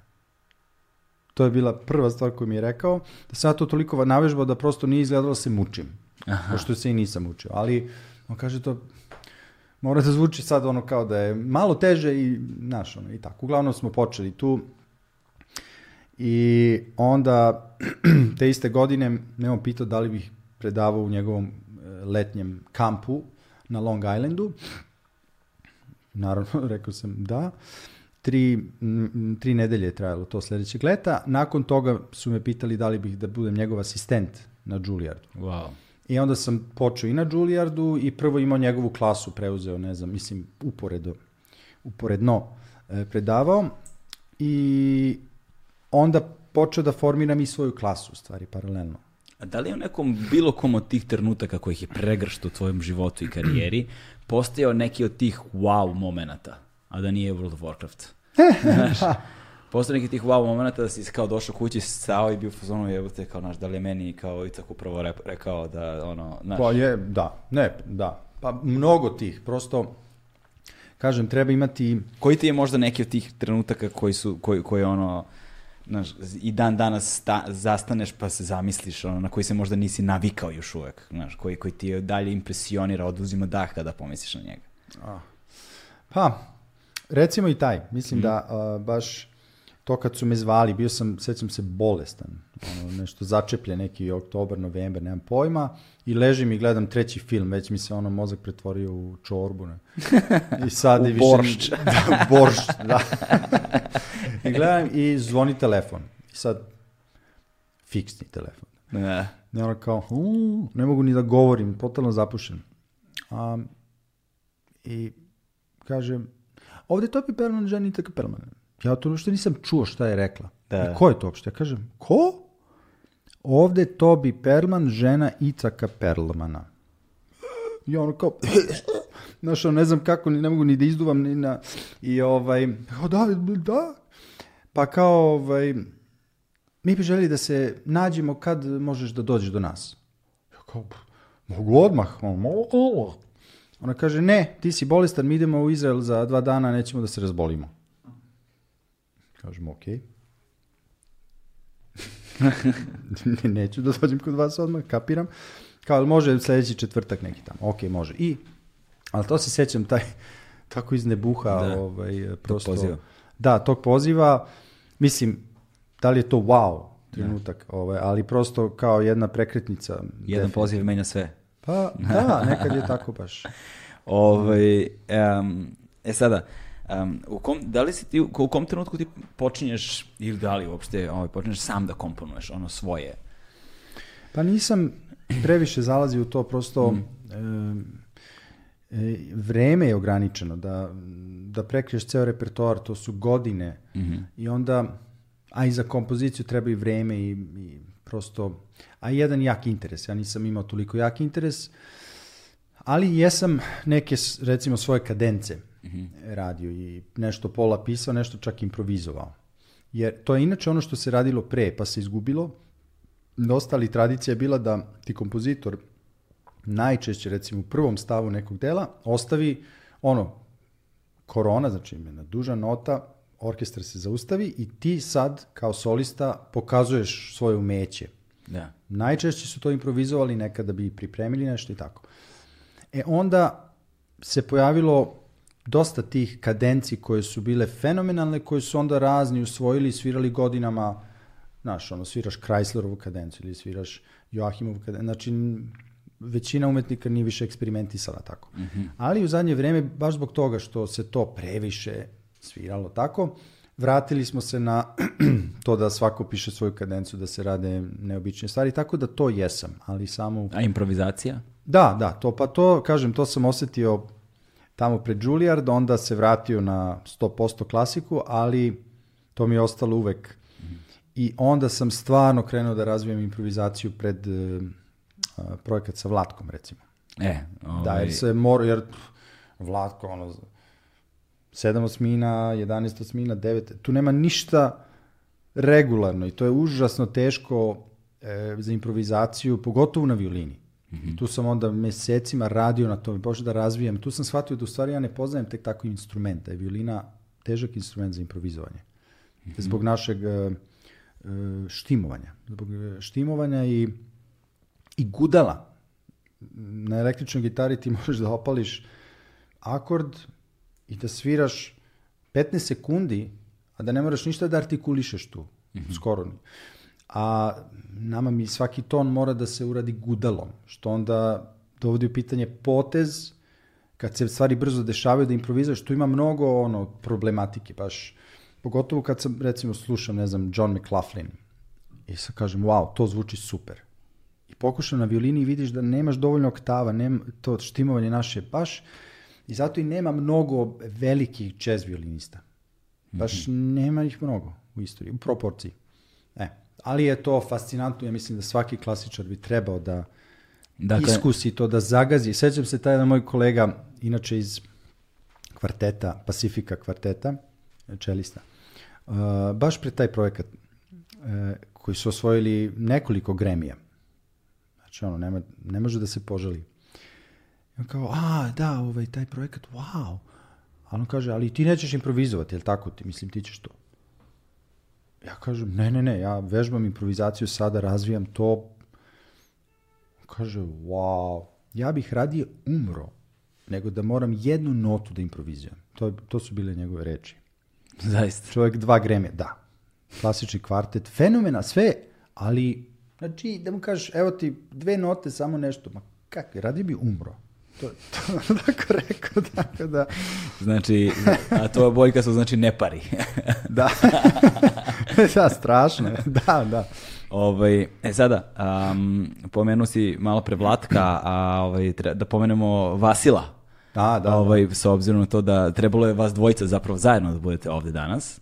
Da. Ali on nešto nije mogao. Pa, otac mu je malo, ne osjeća se dobro i baš je da. sad vodio jasno, jasno, jasno, jasno, jasno, jasno, ne, pozdrav za Vasila, da. znamo se, ono, 20 godina sigurno, ovaj, tako da i on je došao ovde kao ono wunderkid sa Berklija, Uh, svoje, baš super tip, da. svoje, svoje vremeno, ali razlog između ostalog je zašto si ti ovde, mm. ovaj, uopšte u Srbiji za početak, a potom mm -hmm. i ovde u ovom podcastu, a i zašto pomenjamo Vasila, je celokupna ova stvar koja se dešava u Novom Sadu, mm. zašto si pominjao Novi Sad, između, da, da, da, da, i ova četiri dana probe i sinoćno snimanje da. i tako dalje. A, dakle, Novi Sad kao prestonica kulture mm -hmm. za 2021. godinu, tako? Da, u stvari 22. jer se sve zbog korone pomerilo. Tako je, da. E, ovaj, ajde sad da ti daj ovaj, uh, uvod i objasni zapravo čemu se tu radi, jer ti sad imaš jednu vrlo specifičnu ulogu u okviru ovog projekta. Da, pa to je sad se to definiše kao selektor muzičkih programa u toj novoj sali, mm -hmm. koji je stvari u okviru nove baletske i muzičke škole u Novom Sadu. Da. Ali to je deo veće priče, a to je da smo mi inače uh, planirali već dugo, uh, mi, kažem, moja familija sad, uh, povratak u Evropu i možda povratak u Srbiju. Prosto, uh, jer sam dugo već na polju. Koliko dugo? dugo? Pa, 23 godine. 23 godine. U stvari više, 23 u Americi, a dva- 28, na, pre, pre toga smo bili u Italiji pet godina. I šta je sledeće? Ja ono što radim, koncertna aktivnost mogu da obavljam bilo dakle. I u stvari bi mi sada po proporciji koncertne aktivnosti bilo lakše da sam u Evropi, da ne moram stalno da skačem, nekad dva puta mesečno idem iz Amerike u Evropu zbog koncerta, vraćam se na predavanje. I ovaj,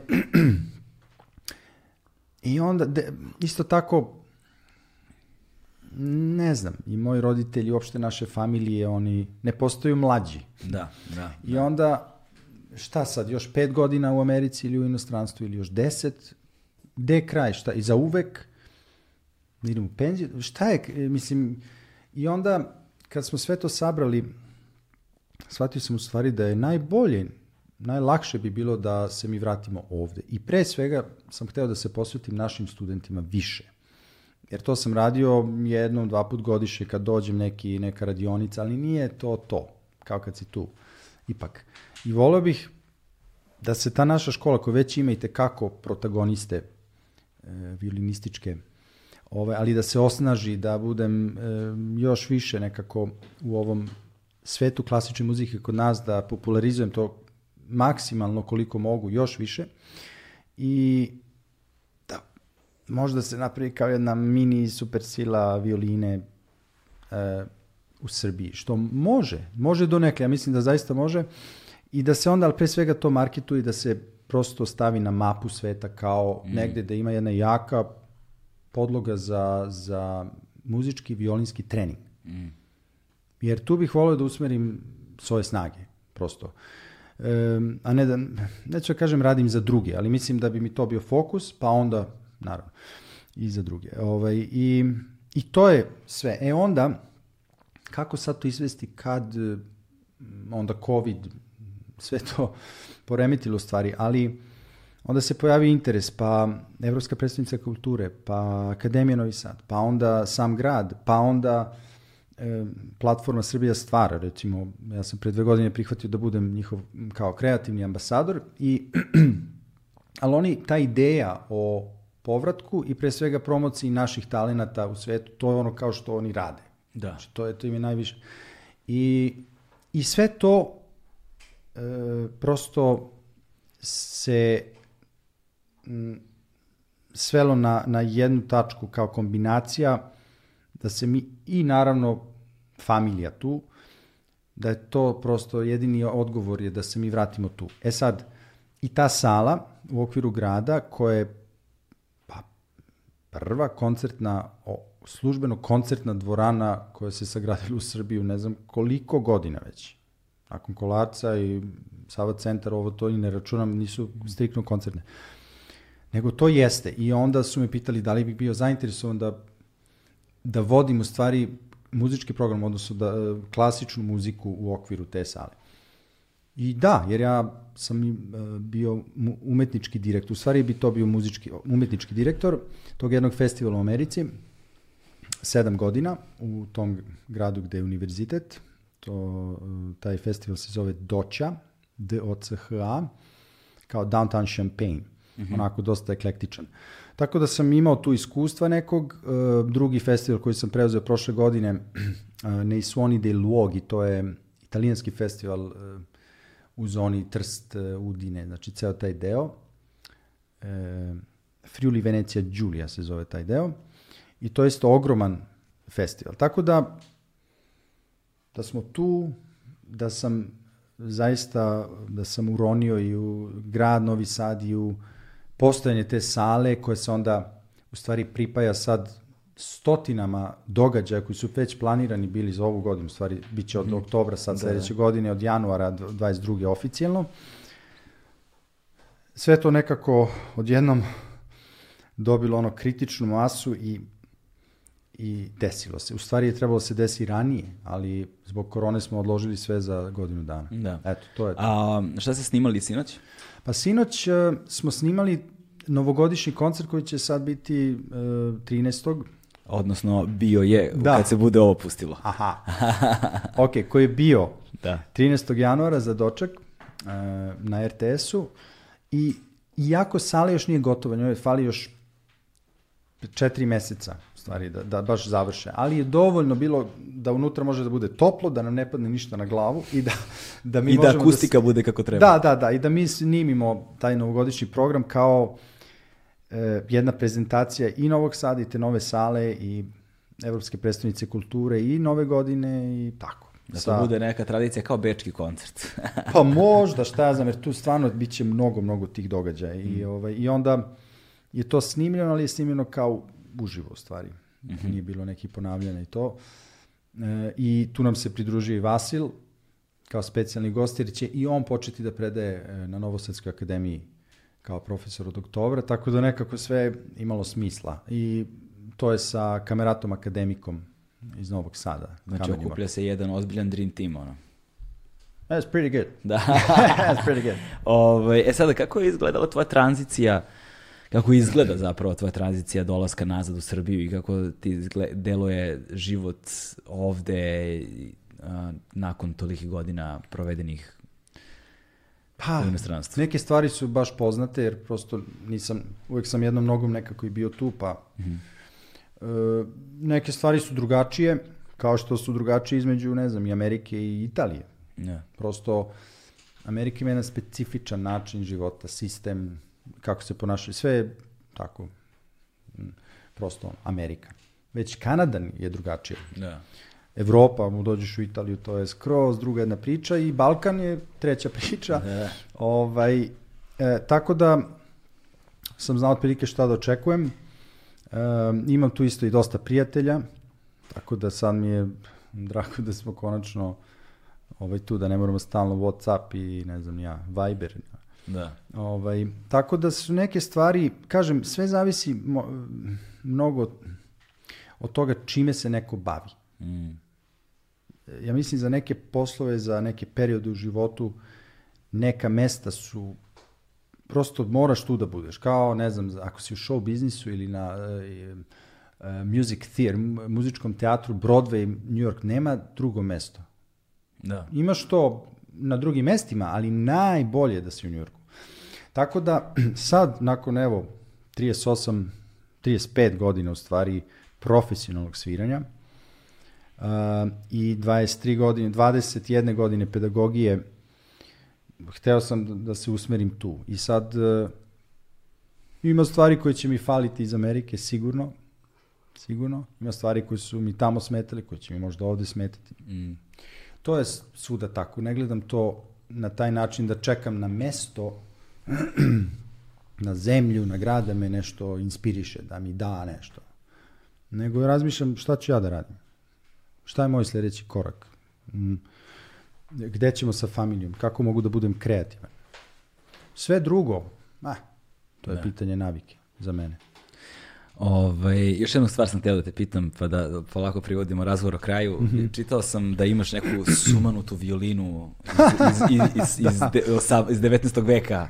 Da, pa iz 1700... Iz 18. veka? 18. Da, veka. 1783. To je pravio Giovanni Battista Guadagnini. Vodi se kao najveći majstor odmah nakon Stradivari i Guarnerija. I zadnji kremonski, odnosno iz, iz tog dela, iz tog perioda, zadnji veliki kremonski majstor. I imao sam nevjerovatnu sreću u stvari da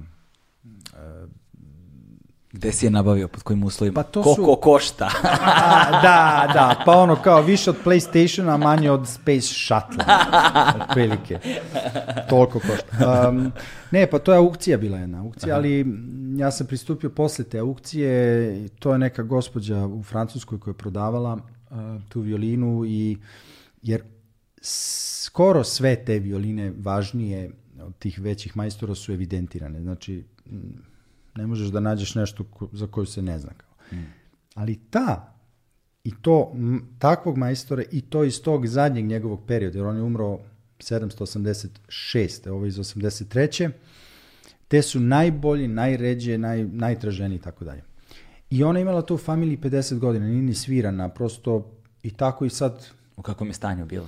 Pa, uspavanom, na neki način. Znači, ona je prosto nije svirana 50 godina, ali Drvo očuvano, sve očuvano, to mislim. Da, ali ja sam imao jedan dan, to je isto sve je bilo moralo da se desi, rekao bih, stvarno me sudbina nekako pogledala tu. I imao sam jedan dan da je probam. Obično ljudi uzmu pa danima, nedeljama probaju instrument, da pa... Ali ja sam osetio da u tom instrumentu ima duša pro, kao neko gledalo koje mi odgovara unutra. Iako ona nije bila ne znam, nije bila nameštena uopšte, bila je nekako sa starom jednom postavkom. Sve je to bilo drugačije, nesvirano je, malo uspavana, ali unutra je čučao lav. Da. I pomislio sam, wow, ovo samo da se sredi i znao sam i čoveka najboljeg na svetu, zaista u Čikagu, koji održava sve, znači svi ko je ko uh, no, nosi kod njega u violinu.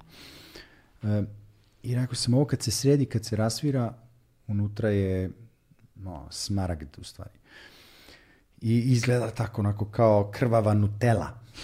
Ako crvena, tamna crvena, ne one žute neke violine, nego I ovaj i tako sam na neki način skoro na slepo, znači ona nije bila optimalna tad, ali znao sam da to i uspeo sam da bio još neko, nisu mi nikad rekli ko je neki francusko isto pokušavao kao, pa je probao, pa odjednom kao morate da vratite violinu jer on hoće da je nosi u Francusku dve nedelje da proba.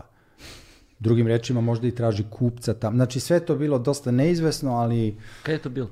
to je bilo pre tri, ima skoro sad tri godine. Da.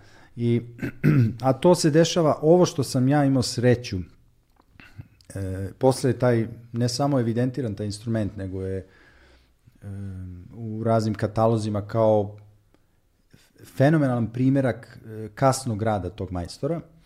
Ovaj, kažem, to kako sam ja imao sreću, to se desi jednom u 100 godina. Da nađem to i da ta cena je uopšte ne pristupačna, nego zamisliva. Jer te su cene, ako se ide, ne znam, kod nekog dilera, nezamislive. Znači, Stradivari danas košta, ne znam, 8 miliona, 15 miliona dolara, da Gvarneri 18 miliona dolara, mislim to kao, Da. Tako da to, ovaj, ovo je prosto, kažem, sudbina je dala ovaj instrument na čuvanje. Ja sam platio pravo da ga čuvam sada, da budem taj koji će ga očuvati, jer on je postojao 234 tad godine pre mene i postojaći posle mene. Bez obzira da li je kao tvoj ili, Da. ili na pozajmicu. Da ga sviraš ili... ili ga čuvam. da. Pa sviram ga i tekako, jer one moraju da se sviraju. Da. Vrednost pada u stvari ako, ne pada vrednost, nego prosto upotrebna vrednost pra- pada ako to drvo ne vibrira. I ono mora da živi da vibrira. Te pore u drvetu se zategnu i kristalizuju i recimo njoj, treba, njoj je trebalo jedno godinu dana da stvarno prosvira. Ona je prosvirala nakon dva, tri meseca, ali došla je prosto na svoje, kao jedan, skoro kao balon, jedna kasa e, koja se zategne jer je namenjena da bude pod tim pritiskom i da vibrira i ako se ne svira, ona splasne. Ovaj, tako da, ali se čuvam je stvarno, to je ono, kao gde ti je sin tamo, ali violina Van domašaja dece. da, da. U, jo, kad je krenuo sad sve ono, ja kao, brat, kao nećeš dugo ovo spipnuti. Ali, ovaj, da, ne, kad je bio baš ono, 3-4 meseca prva, sin nije mogao da podnese zvuk violine. Znači, odsviram jedan ton, ono, kao, odmah počne da plače. Zamisli to, a? I misli se koja je ironija. od svih ljudi na ovom svetu. Ovaj, I od sve dece na ovom svetu, evo, kao moj sin ne podnosi. I onda je kliknulo, valjda sa pet meseci tu negde, odjedno je postao fasciniran i sad baš voli. Ali prvih pet meseci ja sam... Pustiš mu, ne znam, di Antwort. Da. Super. Pustiš šta god, ono nešto. Super, ali klasika nije mogao da čuje jednu notu. Pustiš Paganinija. Ma kakvi, ne dolazi obzir. I to pre svega gudački instrument. Zaista? Toga je ubijalo u pojam, da. Ali primetio sam da kod a, dece, posebno u tom a, uzrastu, a, kad su mlađe godinu dana, a, klavirske note im, klavir im baš prija. Pa ja lakše je za razumeti i čak za proizvesti ton. Mm. Jer ti na violini da proizvedeš jedan ton koji nije stravičan, koji nije da ono ljudi beže i znaš ono zovu komunalnu i tako dalje. Ovaj e, treba ti treba ti godine Pa praktično. da. A na klaviru ne govorim, sećam se jednom Izraelcu, baš moj cimer je bio na Juilliard od prvu godinu dana, vrhunski pijanista. Ja kažem, ma daj vi, ono, mislim, svako može na, na klaviru da odsvira jedan ton. Kaže, da, ali problem su ovi drugi tonovi posle. ali okej, okay, činjenica da lako možeš da shvatiš ono, koncept dok na violini teže, tako da jeste klavir lakši za, za početak, sigurno. Sa čime si se najviše mučio? Šta ti je bilo najteže da savladaš? I da li postoji uopšte nešto što nisi uspeo da savladaš? U čemu? Na violini. Pa, pa, bilo je dela koja su teška tehnički, ali rekao bih nekada stilski nešto može da bude teže nego tehnički. Prosto da da izađe tačno stil koji, koji treba, da bude oba, da bude komunikativan, da, da zaboraviš uopšte da sviraš ti, nego da je samo to izraz i to je neka teže, to je veći izazov. Neka muzika je u tom smislu muzički mnogo teža nego tehnički samo da se odsvira. Jer za tehniku postoji metodologija na neki način. Znači kako doći, ne možeš da uradiš sad 30 ili 50 sklekova, pa dobro, počni sa 5 ili 10 i doći ćeš ili stretching. Da. Tako i na neki način sa tehničkom, e, e, da, sa spremanjem tehnički. Ali muzički tu već nema jasnih smernica da ti neko kaže da bi došao dotle. Nego tu ima mnogo... E, to je u stvari izazov ne samo u nekim delima, nego skoro za sve. Jer nema jedan odgovor. Nema jedan način da se odsvira nešto. I to mi je najveći izazov sada da odaberem koji ću na, kako da odsviram nešto, jer imam previše, ne, ne previše ideja, nego prosto... Je to kao ona situacija kad uđeš u restoran pa imaš ogroman jelovnik? Znaš, koji ima previše da. jela iz kojih ne možeš da izabereš. Da. da, to su to diner, to se zove diner u Njujorku, koji ono, znači jelovnik ima 50 strana i kao, kako je moguće da u jednom restoranu imaš svaku životinju, ono, svaku pastu, pitu, šta god zamisliš ima. Da. kako je to moguće? Ono je, Pa, I kako izabrati. Da, i onda na kraju uvek izabereš nešto što je baš onako... A, da li je tako i sa muzikom? Pa... Znaš, ti sad imaš u repertuaru... Da.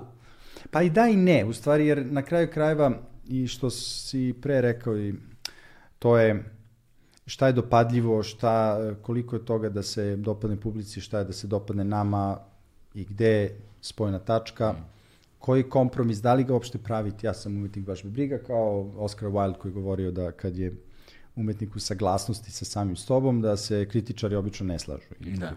I to jeste, mi subjektivno gledamo na ono što radimo, ali mislim da da sa iskustvom, sa godinama prosto dobijaš kao jedan kišobran koji nadgleda sve, da, da može da se dođe do skoro idealnog kompromisa, skoro, ali opet ako se ide na muziku koja je subtilna, koja, onda to ne može da ide u neki ogroman prostor, recimo. Mm. Da bi ljudi zaista osetili žicu i strunu uh, na žici, mora da bude intimnije. E, prosto neke stvari ne mogu, ali to je i vrednost, ok. Da. Ok, ne mora sve da ide na stadion. To. Tako da, i nije komercijalno sve što je komercijalno loše. Ne. To ima tu neku negativnu konotaciju, da komercijalno to odmah kao... Ne! Mislim, ako pogledamo neke od najvećih hitova, nekih od najvećih grupa u istoriji, recimo u roku popeto, pa jesu oni komercijalni ili nisu? Ne. Pa ja pomenuo si Queen. Pa recimo, evo, Queen. A radili su, ne, ka, koji je stil Queen? Ne znam. Simfonijski ne znam ni oni. Simfonijski rock. kao, kao, oh darling, on, kao, ne, I don't have a style. Znaš, ono, svaka pesma je drugačija, ali simfonik rock, znaš, ono. Da. I puni Wimbledon, ne znam i ono, Wembley, već da su svirali, ovaj, ali, kažem, tako da, mislim da je pre svega, to nije naše da, da tražimo čak taj kompromis, nego da radimo ono šta verujemo. Da sviraš, da veruješ u to što sviraš i onda ti ljudi veruju da li je to za 100 ljudi ili za 100.000, ne treba se previše opsedati da. sa tim, jer onda gubiš Jel, za, jel zadovoljstvo tačku. na stupanju i dalje isto? Pa meni jeste, ja, ja volim, ja, ja volim. Ja volim, jeste isto još bolje u stvari, jer imam čak manje stresa sad nego ne. Pre, da tako kažem. Ovaj, Jesi li uspio onda... da se oslobodiš treme u potpunosti? Pa ne može u potpunosti, ali kao što je rekao, Znaš, ako si 93. svirao svoj hiljaditi koncert i danas 2021. kažeš da to ne znači može... da sam po- hiljadu puta bio pod stresom. Ali, ne, to je jedan ovaj padobranac, taj instruktor, sećam se pred moj, ne znam, 14. skok ili nešto.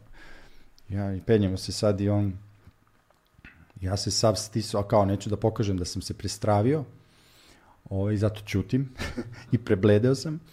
I on kao, ma daj šta se brineš, imaš padobran. Kažem, pa da, ali to je i problem. Imamo ono ranac na leđima, izlazim iz aviona, avionu ništa ne fali, ej. Da, da, da. Znaš, ono, čovjek leti sve u redu, zašto moram da napustim? Da. Ovo, ovo znam, ono tamo ne... On kaže, pa jeste, ovo što mi radimo je, em, rekao je, neprirodan čin u neprirodnom okruženju. Ti već neprirodno, znači letiš i onda napuštiš ono, napustiš letalo. To prosto ne... Ali, on je, ja kažem, pa dobro, je, jel, jel vi osjećate tremu nekad e, pred izlazak iz aviona? Pa on kaže, ima, ne znam, 4000 skokova. Kaže, pa ja i dalje imam leptiriće u stomaku pred svaki izlazak iz aviona. Samo je razlika što sada ti leptirići lete u formaciji. I to je to. I to je svi ljudi koji rade sa strahom, odnosno koji se suočavaju sa strahom zbog svog posla, karakteristika nije da ne osjećaju strah, nego da rade to što su naumili uprkos osjećanju, osjećaju straha. Da. I to je samo to. Znači, stojiš, ne znam, na izlaz, pred izlazak na scenu ili iz aviona. Strah, ali nema misli da se ide nazad, nego i dalje radiš ono što si naumije. To je Da. jedina razlika. Ja često govorim o, da je kod mene isto, kad god su velike stvari u pitanju bile suočavanje sa strahom, nije toliko suočavanje sa strahom koliko su uvek dve sile znatiželja, radoznalost i strah. I nekako je ta radoznalost uvek jača od straha. Znači strah bude ogroman, a Da. radoznalost bude malo jača. Da, Znači, nisam, nisam uradio zato što sam želeo, nego zato što nisam mogao da ne uradim. da, da, da. Znaš, Pa, obično mi prvi korak bude taj, a posle vremenom nalaziš zadovoljstvo u tome što radiš i onda strah ostaje, ali on postaje kontrolisan. jasno, da, upravo Znaš, tako. Anticipiraš ga, očekuješ ga, znaš šta te čeka, pa nekako naučiš rituale i aspekte pripreme za njega. Da. Znaš, i onda, i onda kada je sve, kada znaš šta se dešava, onda se sve to nekako lakše podnosi. To je, najgori je taj strah, stvarno zvuči kao fraza, ali strah od nepoznatog. Kad ne znaš od čega se plašiš u stvari, od čega da se plašiš, šta da očekuješ. I to je i na koncertu, pred koncert može da postoji ili pred izlazak iz aviona ili bilo šta, da, kad ne znaš šta te... Već kad jednom iskustiš bilo šta, već je lakše. Čak i ako je taj, to što treba uraditi i dalje, zastrašujuće opet uh, to iskustvo ublažava i kako taj strah i pre svega što si rekao priprema. Po meni um, što veća priprema što bolje jer to smanjuje prosto neizvesnost. Povećava samopouzdanje, smanjuje neizvesnost i sad postoji neizvesnost, da imaš jedan um, jednu šansu da odsviraš nešto, ali i dalje. Znači, taj drill je toliko jak da povećavaš verovatnoću da će taj jedan put da ti bude dobar. E, zašto sam od uvek želeo da pitam nekoga, ali nisam imao koga zato što su potrebne dve stvari. Potrebno je da bude apsolutni sluhista i potrebno je da je iskusio sve moguće dvorane na svetu. Koja najbolje zvuči? Koja dvorana ima najbolju akustiku? Gde si ušao i bio u fazonu u jebote? Wow. Pa u Novom Sadu ima. Mislim, nešto, nije loša akustika, ali ovaj, pa, to je, e, to je teško reći da ima jedna, zato što akustika je prosto živa stvar koja čak nekad je ogledalo maltene čitave nacije, gde uh, oni koji su vrhunski majstori za akustiku rade to ne samo na osnovu geometrije sale, materijala, dimenzija, nego na osnovu mentaliteta naroda ili grada u kome, recimo, Island, boje njihove su crna i crvena zbog lave. To im je u krvi. I te, ta sala tamo ima te neke boje, jer oni kad uđu tamo, oni su potpuno uronili u svoju kulturu na neki, u svoju zemlju. A onda ta akustika na neki način ogleda baš to. Tako da je ona malo tamnija, ona ima rezonancu, ali je malo, ide na neke niže i sporije vibracije. Jer su oni takvi. To je njima u krvi. I to ko radi akustiku, to je mnogo više, kao i arhitektura, to je mnogo više od samo zvuka koji pluta po vazduhu uh, u prostoru. E sad, neke druge, recimo u Japanu, akustike su veoma slične, u skoro u svakoj sali. Su reske malo, preciznije. Takva je publika. Nikad ne čuješ bravo u Japanu, nego samo pljeskaju ovako i nestaju. Ti sviraš jedan bis, dva bis. Ja sam taj na turneji, imao sam 11 koncerata u 12 dana, to je bilo strašno, i na svakom su svirali, baš sa Rohanom, sa, na svakom su svirali pet biseva i pet Znači, pljeskao, i to baš ovako, to je neverovatno. Znači, vidiš celu salu kako rade, to nigde i ozarene face, ali nema jedan da kaže bravo. Da, da, da. I ne prestaju. Mi izađemo, odsviramo i dalje. I ta akustika je tamo oštrija, malo je onako preciznija i staklenastija. Recimo, Berlinska filharmonija ima drugu akustiku malo za obljenju. I tako, koncert Gebao. Tako da su to Carnegie Hall, velika sala, jedna stvar, ona srednja sala ima drugu. Sve to baš relativno. Tako da ja uživam baš u tome što su, su malo različiti, što skoro osetiš e, ukus tog jednog naroda ili podnemlja gde si. Ako je sala fenomenalna, ako je taj koji je radio salu zaista razmišlja o tome, onda se to oseti u, u vazduhu odmah. Ja se prilagođavaš onda sali? Da, da i ne. Jer mi inače sviramo sve kao u teatru malo jače nego što bi svirao ovako, ne znam, u sobi sve malo više artikulisano, jer to je ipak mali instrument koji sad treba da puni salu od 3000 mesta, koje su iskreno prevelike za ono što mi radimo. Danas te moderne sale 2500 mesta, 1800 mesta, 3. To je ono, čuješ ga. Da. I te violine sad zaista najveće imaju tu frekvenciju, to ne ni volumen, nego frekvencija koja prodire da isto čuješ tu, čak je čuješ srednje, recimo ako slušaš jednog Stradivarija na dva metra, ono ne zvuči ništa posebno. Ali onda odeš u zadnji, ili Gvadanini, odeš, ili Gvarnerija, znači te neke najveće, odeš u zadnji red te sale i čuješ isto. Ništa jače, ništa, nego isto. Jer to je frekvencija koja ima to ono kao taj jedan, skoro kao subwoofer. I to je ono što nosi u, ne, ne volumen, nego frekvencija. Tako da u suštini ako imaš veliki instrument, dobar instrument, a, onda on dopire do do onoga koji sluša mnogo lakše, ne mora da se mnogo menja, ali ako je suv ambijent, mm. recimo u Italiji ima mnogo tih lirskih teatara, odnosno za operu, tu moraš da sviraš sve malo duže, ti kratki potezi ne, ne valjaju, je prosto nema ništa drugo da popuni mm. zvuk između nota. Nema, nema dovoljno života. Oni su dobri za reč, za glas, za operu, ali ne za instrumentalnu muziku, stvari. Tako da tu onda treba svirati sve možda sa više vibrata, sa dužim notama, da prosto taj zvuk ne prestaje tek tako, jer kad stane, ne, ne ostane ništa. Da, da. To, u tom smislu da. Da. Da. Ali vodiš računa o svom sluhu. Ono Oh. kao, znaš, ili ideš sa čepićima u ušima. O, da. Pa da i ne, to više kad treba da spavam negde Ja. u avionu, pa ono to i maska, ali ne da sad hodam ulicom i ne znam, mm, o, nosim čepove recimo. da. Nisam. Za sad još ok sluh. Donekli vid.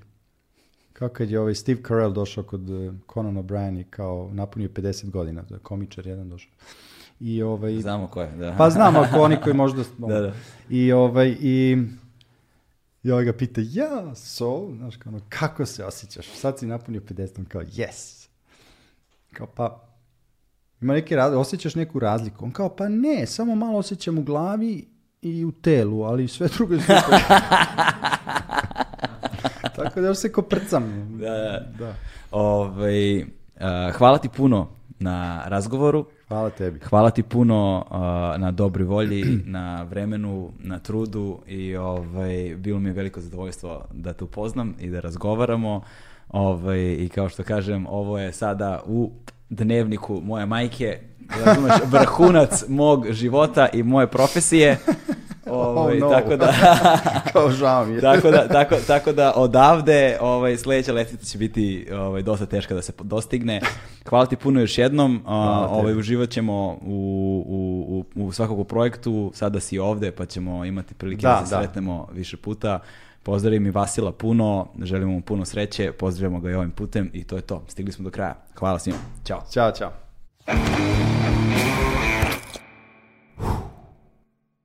Hmm.